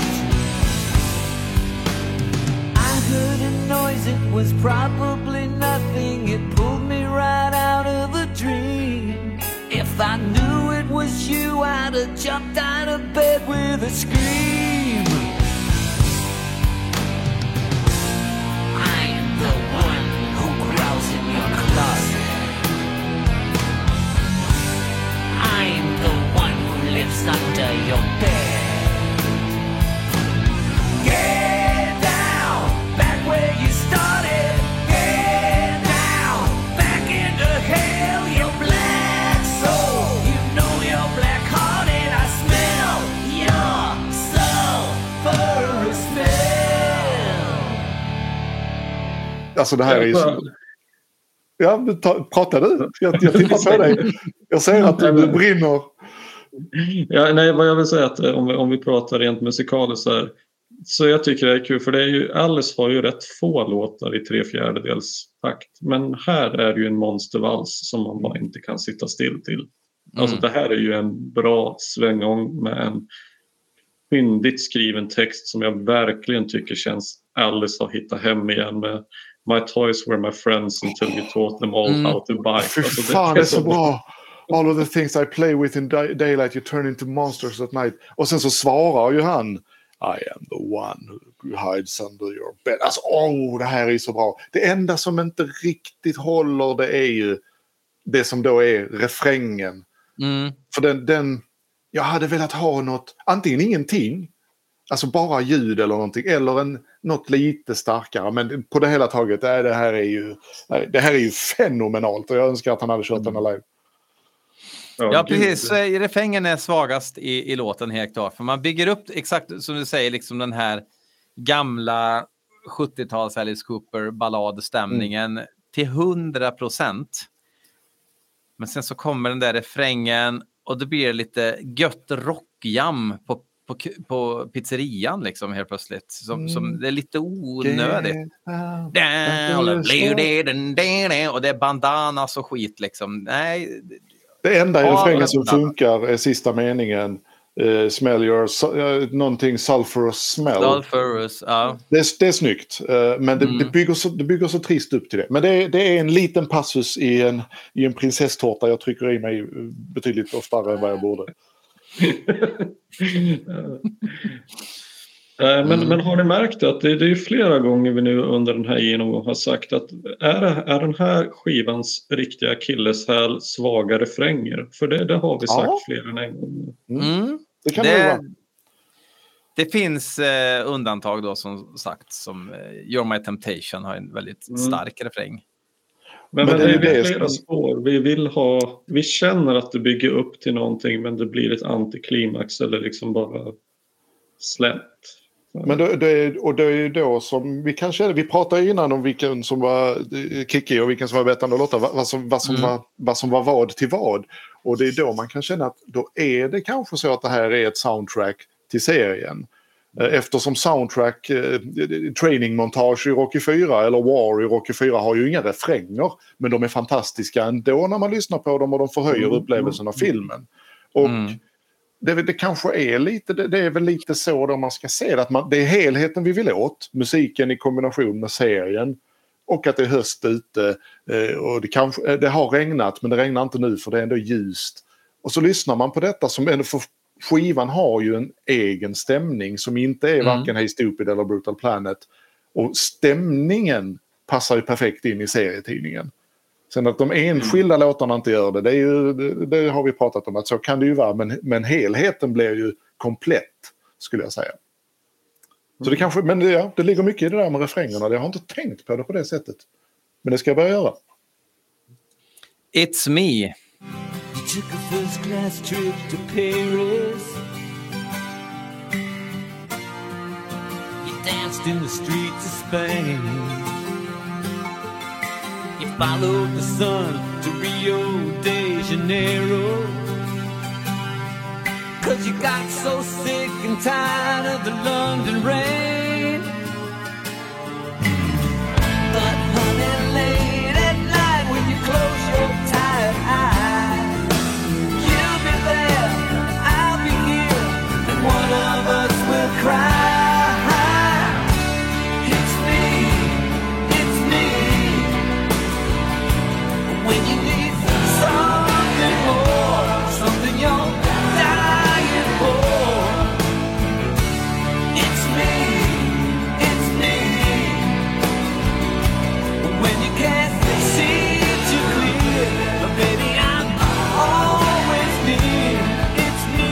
Fråga. Ja. Förstår ni denna låten överhuvudtaget? Jag tycker mest inte om den. Den, den, har- den har jäckat mig i 29 år. Jag tycker, den är helt, jag tycker den är en okej ballad. Absolut. Jag, jag har hört dåliga ballader. Jag har skrivit dåliga ballader. En hette Until the Day och den vill ingen någonsin höra igen. Och, och, och sen har jag lyssnat. Jag tycker, jag tycker om ballader. Jag tycker om lugna låtar. Jag tycker om kärleksfulla låtar. Eh, och jag tycker Alice har gjort några riktigt bra ballader. Och, jag tycker han har gjort några halvtaskiga också. Men denna sticker ut just på denna skivan som då har en annan ljudbild och så vidare. Här kommer en, en ballad som vars text inte har med någonting att göra. Återigen, har, passar inte alls in i själva storyn vi befinner oss i. Och vem är det som sjunger till vem? Vad handlar den om och varför? Och jag vet inte. Jag säger inte att skivan hade varit bättre utan den. Jag tycker bara den är så konstig. Jag förstår den inte. Det är det, är det jag vill ha sagt. Jag förstår Mm. verkligen inte denna låten. Jag förstår inte dess, dess placering på just denna skivan. Och jag tänkte om ni hade någon tanke. För jag, jag, jag hittar den fan i mig inte. Jag, jag har en teori. Och, jag, jag, och den baserar jag i stort sett den på att av, av alla jävla låtar så väljer ju att göra en video till den här. Obegripligt. Återigen, singel också. Ja, och to- eh, 12-tums singel. det också. Fan, Ja, ja, bild, bild 12-tums singel Ja, med, med, med den här... eh, Med den showman-gubben på. Finns en tolva det- på denna. Det är, det är, alltså det endas, eh, den enda teorin som jag anser kunna förklara någonting det är skivbolagstermer. Jag tänker återigen det är Aerosmith och det är Ja. liksom att Ja. det Ja. efter Get a det Grip, mycket efter det det? Crazy och Amazing och det var väl en till de gjorde. va? Nej, det är de alltså- två som är de stora. Crying. Sky, precis. Och det, det, där är det ju, Aerosmith lyckades ju säga vad man vill om dem. Jag har lite kluvet förhållande till dem. Ibland tycker jag om dem, ibland gör jag inte. Men jag kan inte ta ifrån dem att de, de lyckades. Alltså de gjorde en, en egen version av, av hårdrock som fungerade kring 93-94. Uh, lite grann på samma sätt faktiskt som Bon Jovi gjorde med Keep the Faith. Att Mm. lyckades byta skrud utan att tappa cred eller alltså utan att bli passé. Mm. Och jag, jag tycker nog att det, fan, det skiner väl igenom på den här. För, för annars så finns det ingen anledning till att den här, den här låten ska Men- liksom promotas. Jag tycker att det här låter som någonting som skulle kunna vara med på Lace and Whiskey. Alltså jag tycker att det låter... Det är, uh, how you gonna see me now liksom. Det, för det är ju en tidlös ballad. Alltså det är ju Ja, en ballad. ja. Det är ju en riktig balladballad och de Det är ju mandolin också liksom Ja. i, i den. Bara, bara en sån sak. Sen, sen har jag nog, alltså jag har tänkt så här utan att tänka så har jag tänkt att den här låten är ju att han hittar sig själv och vet vem han är och vet vad han vill inför the final, det sista slaget liksom. Ja, ja. Alltså, det är bara så jag tänkt. Liksom, som att jag, jag är ju inte den här personen som, som, eh, som eh, skulle göra det här, utan jag... Ja, alltså s- supervagt har jag tänkt så, utan att analysera det närmare.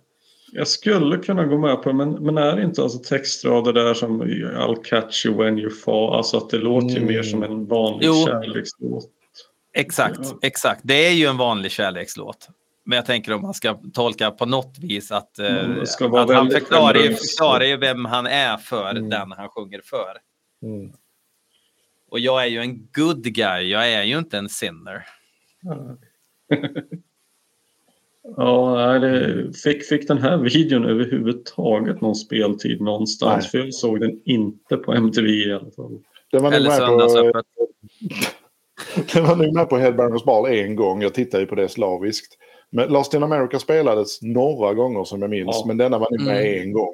Som de gjorde med vissa. Bara, ja men här kommer nya Alice Cooper-videon. Och sen så är det aldrig någon som skriver vykort in och säger kan ni spela den igen? Och då gör de inte det. Liksom. Ja, otroligt märkligt. Och just det här singel, ja, men det, det, är lite uppenbart nu när du säger det. Det här är ju skivbolags eh, produkt säkert att eh, det ska vara en ballad på skivan, den ska låta som en ballad gör och den ska vara ordentlig. Eh, inga jävla skräcktjafs i det här, hör du det? Inga avhuggna huvuden eller uppätna eh, bebisar. Utan I'll be here and you'll be there and one of us will cry. Så sjunger man i refränger, hör du det? Och samtidigt så blir det så konstigt för att videon är ju en massa skräckgotik. Alltså på det, den ser ju otroligt... Det, det är ju samma färgskala och ljus. Och, alltså det är så 1994. Det, det är Ja, så ja. mycket Balls to Picasso videoliknande eh, atmosfären. Så att alltså, ja, men den är ju, då är den ju chanslös. Liksom. Ja, men antingen får man ju göra det fullt ut med kärleksballad som du säger. Och, så här. Men att försöka blanda det här med, med, med det där omslaget och med den videon och försöka ro ihop det till hela skivan, är det blir så jävla konstigt. Det är, är det inte lite konstigt? Jag menar, det har ju varit så många på så många skivor som det inte riktigt går ihop tematiskt rakt igenom. Att han får han frågor om det här någon gång när någon har möjligheten att fråga honom. Nej. Det här är, det här är ju det här är en, lit, en mini blackout period. 90, Alice 92 till 98. 99. Ja, Det, det är en blackout. Han får ju aldrig frågor på presskonferenser om Zebra Catcher Skin och han får aldrig frågor om Last Temptation. nej. Är det, någon, det enda som jag har tänkt, han, vid något tillfälle så vet jag att han har uttalat sig om att Ja, han har sagt att Last Temptation hamnar lite grann vid sidan av eh, sina sys syskonskivor men han har också sagt att det var ibland har, tror jag att han har sagt som att det är första delen av trilogin med Mm. Temptation, Brutal Planet och Dragon Town. Och om det är en efterhandskonstruktion eller om han faktiskt menar det, jag vet inte. Det känns som det. Det mm. Mm. Alltså så här, jag, som vi har ta- talat om tidigare att i den här låten Gimme på Brutal Planet, ja men där Mm. tar han ju den här Nothing's free, everything comes with a price, gimme this, gimme that. Och jag tycker att det finns några låtar på den här som eh, kanske mest You're My Temptation som det finns en liten koppling till Brutal Planet och Dragon Town men den blir ju i sammanhanget så vag att jag menar det, Mm. det är svårt att verkligen tro på det. Mm. Ja, jag, jag vet inte. Det här är, jag tycker ju inte om Stolen Prayer jag tycker inte om den här heller. Eh, Kommer nog aldrig att göra det. Och på den här så är en av körsångarna låter ju verkligen precis som Steven Tyler här också.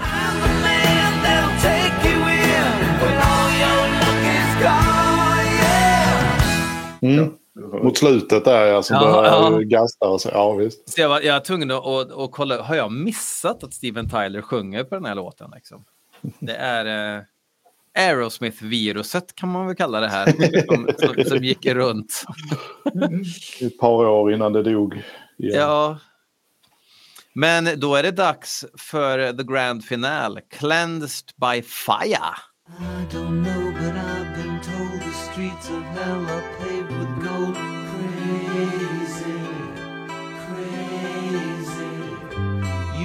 me that nothing's free except my own insanity.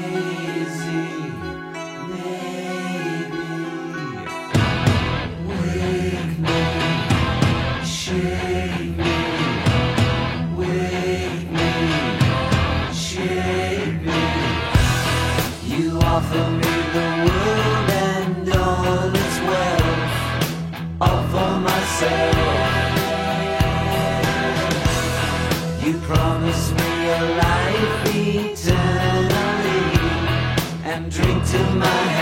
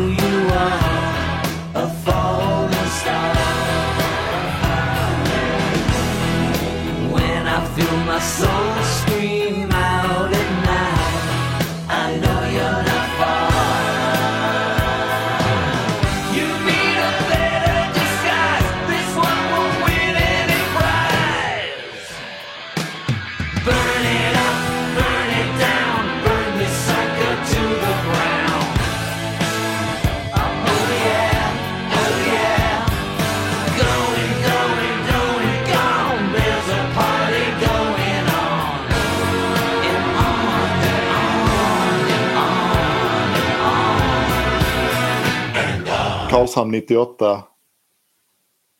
Sista låten jag fick höra live från denna skivan.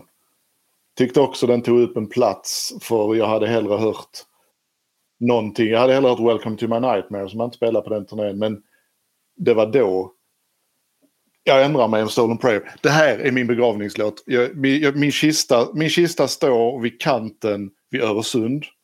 Det är där de håller minnesceremonin. Så står där en präst som eh, någon släkting till mig eh, har anlitat eftersom jag inte har skrivit i Vita arkivet. Och så börjar den prästen gasta och då är det en som reser sig upp och ställer sig och skriker till honom What about life? What about death? Och bla bla. Och sen så bara fotar de ner kistan i Öresund och så är det över liksom. Det här, är- det här är the quintessential, the quintessential essential avslutningslåt. Det här är en perfekt avslutningslåt för den knyter ihop temat och den knyter ihop den knyter fan in, den knyter ihop hela jävla min eh, uppväxt 19, till, fram till och med 1994. För Burn the Sucker to the Ground, det här är det sista. Allt efter detta kommer vara värdelöst på ett sätt som du inte förstår nu. Men när du, du pratar om detta i en podd om 30 år så kommer det att gå ut för dig under tiden du pratar om det. Att det är det vi gör. Det, jag kom ut ur denna skivan bränd, härjad, men jag kom ut ur den renad också. på något sätt. För jag kunde börja blicka tillbaks eftersom jag var 17 och visste allt om hela världen. Så måste det vara. Det här är en perfekt Alice Cooper-låt. Uh, finns ingenting i denna jag skulle ändra. Och jag förbannar den 21-åriga jag som hellre ville höra en uh, Under My Wheels. Nej, den körde han ju. Alltså sådär, varför kunde jag inte uppskatta det i stunden? Men tack och lov, det finns bootlegs och så jag, så jag kan fortsätta leva i fordom eh, och veta att jag stod där när han sjöng detta till mig. Han, han stod verkligen där och då stod han ju på en sån här eh, pulpet med showman-hatten och allting. Och what about death? What about... Alltså, oh. Ah. åh. Usch, jag ryser över armarna och jag blir faktiskt lite, lite tårögd när jag tänker på att jag har varit med om det. Tycker ni den är bra? Ja, alltså det känns så futtigt vad man ska säga. Nej, men jag, jag tycker också det. Den, den, den, den är, det- det är ju ett klimax på hela skivan tycker jag. På något vis. Och det är mäktigt. eh, det här, ja, men what about that, de här, när han rabblar och han kör på. För han är förbannad Sen kommer ju. det lite så här, what about Christ? Och, Ja. nej, nej, lugna dig nu. Ja. Härnäst. Um, Ni kan lägga till, about, vi har fler eh, ord. Ja, ja, ja. Så, så att, eh, ja. Men, eh, nej men för, för, för vad det är, alltså. Jag tror det var Linnaeus som sa det när han var med. Eh, just det där att när han faktiskt sjunger om sin andlighet så är han så, så blir han, vad var det han sa? Att då blir han också någonstans som bäst för att han är som mest innerlig någonstans. Och det köper jag också på det här. Det, det, är, det är ju liksom, det kommer ju från hjärtat. Och jag menar, med tanke på hans personliga historia, vad han har varit med om och vad han har gått igenom, liksom, det, det känns som att det blir en katarsis för honom, den här slutet på den här skivan. Eh, och det var ju, han pratade om det i intervjuer också, att, att det, blev en annan Alice nu, liksom. Lite grann. Han kommer ut ur detta också från en karriär som har varat från 68 till 94. Och sen, har, sen blir det, ju, det är ju faktiskt en sex år lång paus innan nästa nya skiva. Och Ja. då, är, då är han ju någon annanstans och världen är någon annanstans. Så detta är, ju, detta är ju en avslutning på så mycket som vi inte visste då. Och att han menar någonstans att han, han, han var inte bekväm med att sjunga om vad som helst Mm. längre. Eh, men kanske mycket på grund av att världen i sig hade... Att det, det var inte lika lätt att sjunga om våld när världen är så jävla våldsam och, och allt vad det var. Det blir inte men menar, det där, nej, men alltså, men det, det- världen har ju varit våldsammare än vad den var 94, eh, även på 1900-talet i USA också. Så att det är ju en... Man får ju fundera Ja, lite. Också kan man väl säga. Ja, ja absolut. Så, eh, men, men eh, nu pratar man ju ändå om hans perspektiv. Ja, jag, när du säger det här Alex, då ser jag faktiskt låten, hör jag den på ett annat sätt och då uppskattar jag den mer än vad jag gjort hittills. Uh, och jag hade fan velat, eh, jag kan tänka mig att live blir en helt annan grej för att det här hade jag velat se illustreras och även det blir ju jävla synd att, att inte ens det görs i själva serien. Alltså här hade man ju fan kunnat se, här hade ju kunnat gjorts en, en snygg grej i serieform av en, en skrikande dialog mellan showman och Steven och eh, alltså att det blir lite mer på riktigt. Mm. Nu, nu kommer jag att prata om serien igen här. Ja, men... jag, jag tycker att serien avslutas Fan vad, det har kanske blivit ett buzzword för mig att använda ordet antiklimaktiskt men då får jag fan göra det en gång till. Jag, jag tycker att den slutar lite grann i ingenting. Mm. Ehm, för er som inte har läst den, då, jag vet inte om man ska spoila då, men jag vet inte, jag, jag tycker det är en rätt hygglig låt. Den är kanske lite väl lång, men jag först tyckte jag att den var lite grann mycket skriva på näsan, liksom lite för kristen för min smak. Men eh, när, som du säger och som jag kan tänka mig den så, så växer den och då knyter den ihop saker på ett ganska bra sätt. Mm. Eh, Så att låten knyter ihop skivan bättre än vad slutet på serien knyter ihop serien. Så mycket Mm. kan jag säga. Mm. Ehm, ja, Är det, de- fram, är, är, det, är det framförallt Stevens karaktär du tänker på? För där tycker jag det blir lite rumphugget. För jag tycker Alice avslut i serien är helt okej. Att ja. sådär, han, han, han går ju och man är längre och längre bort men jag är alltid där. I'll, I'll Den, always den be waiting. Den är detaljen okej. Men, men Stevens avslut håller jag med om att han kommer någonstans men det känns inte som att han kommer ända fram. Men det gör han i låten.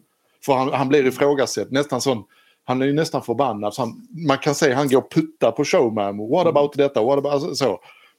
Det är det jag kan se. Det här, han har vaknat upp på något sätt. att vad fan, men om jag säljer min själ och be, befinner mig alltid i den här bubblan så kommer jag ju aldrig att få uppleva det här. Men detta då, men detta då, men detta då. Men den biten får vi aldrig riktigt i serien. Utan det är ju bara låten som ger oss det. Ja. Jag minns också att jag... Som sagt, jag läste ju serien några gånger om för, för 20 år sedan. Och jag minns att jag tyckte att den var helt okej men att den inte lämnade så vansinnigt många intryck. Det, det jag mindes mest av själva serien var att jag gillade skruven att showman säger att jag vill inte ha din själ utan jag vill ha ditt potential. Potential. Mm. Det tyckte jag var en jävligt snygg formulering. Så Jag vill ha allt du inte kommer att bli men som du skulle kunna Exakt. ha blivit. Det är så jävla bra. Och det, jag tycker det är så synd att det, skivan och serien tycker jag har en sak gemensamt. Det är att ibland så glimmar det verkligen till och då glimmar det till utan bara helvete. Men som, he, som en helhet, som hela historien både ljudmässigt och eh, seriemässigt så jag tycker inte att det håller riktigt. Det, det spretar och att det eh, för att, alltså, nu, nu är det så här, jag, jag läser tonvis av serier. Jag, jag läser mycket mer serier än jag läser annan skönlitteratur. Eh, Neil Gaiman har alltid varit en sån där för mig att jag förstår hans storhet. Jag tycker delar av Sandman är bra. Han har gjort många bra one-offs och sådär. Men han har aldrig varit någon favorit för mig. Däremot så har han definitivt skrivit enstaka historier jag tycker är helt fantastiska. Men jag tycker inte det syns här. Jag, tycker att det är en för enkelt berättad historia. Det är inga riktiga planteringar. Det är liksom saker händer för att de händer. Och sen... Ja, jag tycker den är, den är ganska dåligt berättad. Och sen teckningarna är inte riktigt min kopp te men det är mer en preferens. Antingen gillar man den sortens teckningar eller också gör man det inte. Uh, Ah, fuck. Jag, jag, jag får bryta. Jag skulle kunna prata i, i hur länge som helst om det. Men ja, jag lämnar där. Ja. Det börjar eh, bli dags för eh, favoritsegmentet hos våra lyssnare har vi fått veta. Eh, det är nämligen betygssättningsdags. Mm. Idag ska vi svara med ett Venn-diagram. Nej, det ska vi inte. Utan det blir Venice Ett- the diagram coming. 1 till 5. Och det här, det här är väldigt svårt. Ehm, och jag, jag bara börjar här. Mm. Ehm, trots att skivan är ju daterad så tycker jag inte att det känns som att man lyssnar på en skiva från super eh, från, från en annan värld. Det känns som den känns ganska nu. Den känns ganska fräsch fortfarande. Det tycker jag i och för sig om Hey Stupid också. eh, trots att den absolut inte låter modern eh, by any stretch of the imagination. Men men det, som, som vi även har sagt, den faller lite på en del refränger. Och, men eh, förutom Unholy War, som är en helt meningslös skapelse, så blir det aldrig liksom för låg nivå. Men det blir aldrig superstarkt heller. Jag, jag hamnar nog på eh, 3,5. Mm. 3,5. Ska jag ta nästa? Ja, vi vet ju vad Alex ska sätta. Nej, jag är, inte, jag är fan nej, inte helt säker. nej, inte jag heller. Inte jag Men, men jag blir jävligt nyfiken på vad Alex ska sätta och det är därför jag tycker vi sparar det godaste till sist och det är hans Jag är till och med lite nervös över vad Alex ska sätta. Eh, Alltså för hans skull. Ja. Det har varit hela kvällen. Ja, nej, men jag, lite grann sa jag väl här innan att jag, jag tycker att det, det, för mig blir det lite udda att så här. Eh, jag tycker att Stephen King är en av världens bästa skönlitterära författare. Jag älskar hans böcker. Jag har läst alla utom två. Eh, och många av dem läser jag om en gång om året. Så här. Eh, däremot har jag aldrig tyckt om hans noveller. Jag vet inte vad det är, men jag tycker bara inte att han, hans grejer funkar i det formatet. Han glimmar aldrig riktigt sådär. Och precis tvärtom tycker jag det börjar kännas lite grann med Alice. Att för att vara en sån bra textförfattare eh, i enstaka låtar så är jag faktiskt lite paff över att jag tycker att han är så pass dålig på att binda ihop kapitlen i de skivor han vill säga är konceptuella. Eh, och här, ja, jag tidigare så skrivit att om man inte läser serien så är det ganska omöjligt att begripa vad som egentligen händer i texterna. Mm. Eh, Men som vi har konstaterat så verkar ju de här de verkar vara ganska löst hållna till varandra. Så att jag köper Alex idé om att det känns mer som ett soundtrack baserat på serien snarare än tvärtom. Music from the last temptation. Mm. Eh, och jag tycker det är lite trist att så lite av handlingen ändå går igen under skivan. Och det, ja, för mig, den lämnar, skivan lämnar inte så många bestående intryck. För att jag, jag har ju hört den av och till genom åren och tyckt ja, men det, det är ganska bra men jag, jag tenderar att glömma bort den. Även om en del refränger är som klister, typ som My Last Temptation. Ja, jag önskar att, jag, eftersom det är som du säger lite av en blackout-period, för det här är en glömd skiva. En- Det är ju inte som Zipper Catches Skin, alltså jag menar folk känner ju åtminstone till att det finns en skiva som heter The Last Temptation. Mm. Men eh, det är väldigt sällan det talas om den.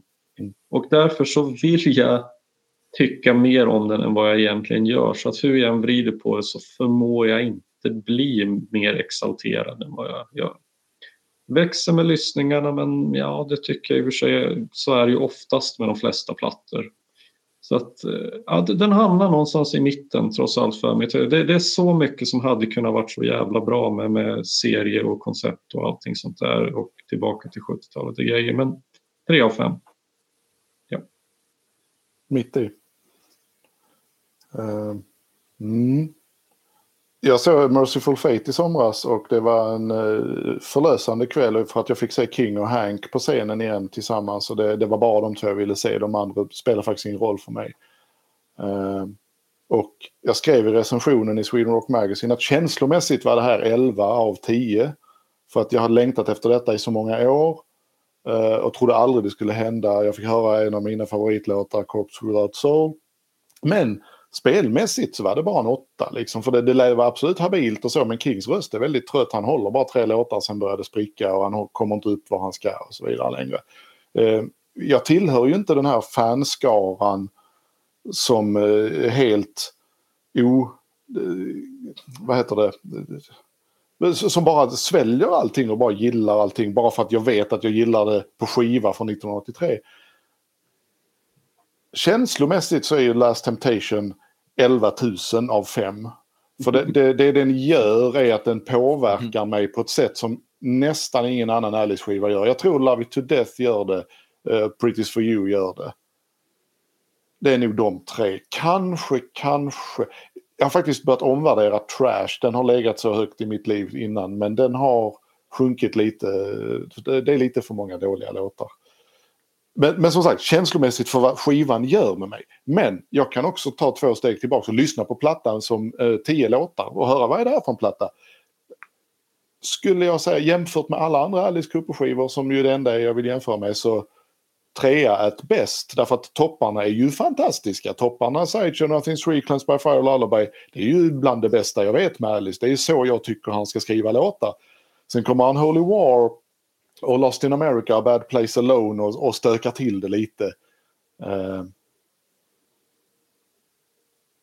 och någonstans där mellan 11 000 och 3 får jag väl lägga mig. Nej, men så att, men jag, jag tycker det är en bra skiva. Jag tycker, den är, jag tycker skivan är homogen för vad den är. Sånär som på It's Me. Det, det, när jag lyssnar på hela skivan så är det den som är the sore thumb. Uh, men jag tycker skivan är homogen Eh, ändå. Den är en produkt av sin tid och den är annorlunda mot Hey Stupid och vad som ska komma sen. Den står ändå ganska bra på sina egna ben. Och jag har ju alltid vurmat för The Underdog. Jag tycker det är roligare att lyssna på You're My Temptation än på Schools Out.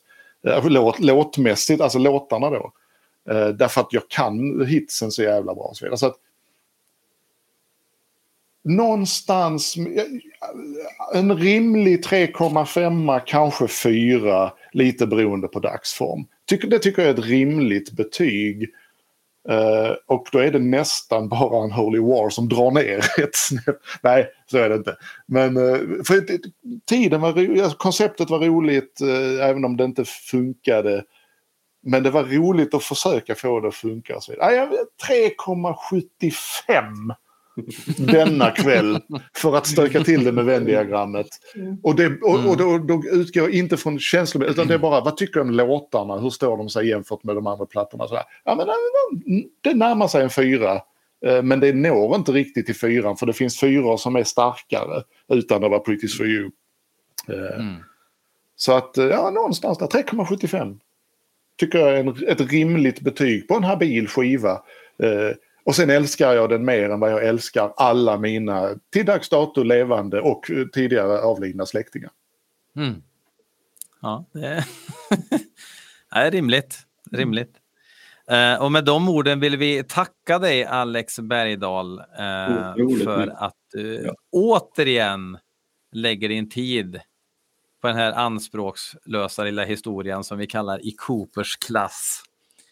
Uh, fantastiskt kul det, det, är ju jag som tackar. Alltså jag, jag, har sagt det så många gånger. Ni, ni, förstår inte vad det är ni gör med folk. I alla fall mig. Och jag är väl ändå en folk. Alltså ni förstår inte lyckan över nu är det ett nytt avsnitt. Eh, därför, därför att ja, men ni, ni skänker eh, en och en halv till två timmars verklighetsflykt på ett sätt som ingen annan gör. Och jag... Ja, ja nej, det, det, är jag som tackar. Eh, jag, jag har nog inte... Jag kanske får vara med igen men jag vet inte vilken skiva det skulle vara för att det, som jag har sagt det här det tar ju faktiskt slut för mig på många sätt här. Mm. Um, Mm. Det här, det här genuin, genu, genuina kärleken. Sen tycker jag Brutal Planet är bra. Jag tycker Welcome 2, My Nightmare är helt okej. Okay.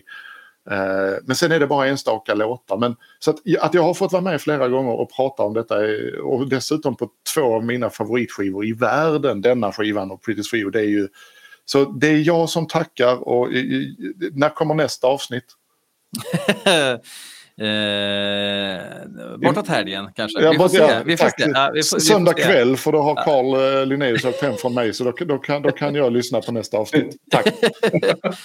ja, nej, vi har en... en, en, en nu höll jag på att gå händelserna i förväg. Ja, det kan aj, aj, aj, illa som helst. Men eh, tills nästa gång då så säger vi väl som vanligt låt stå. Låt stå och tack för kaffet. Ät choklad.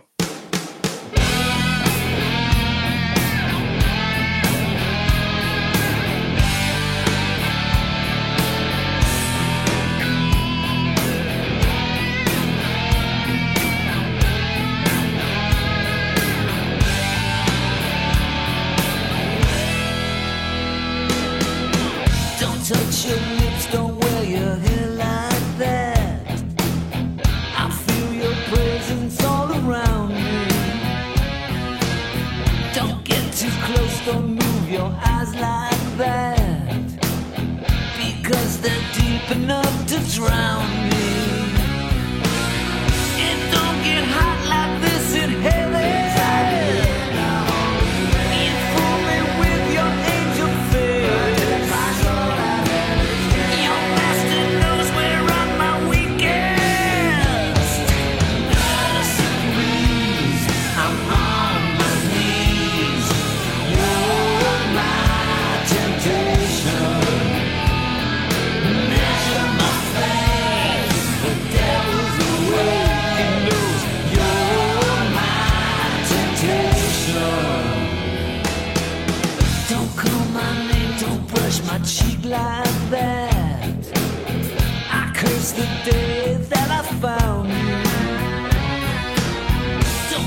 My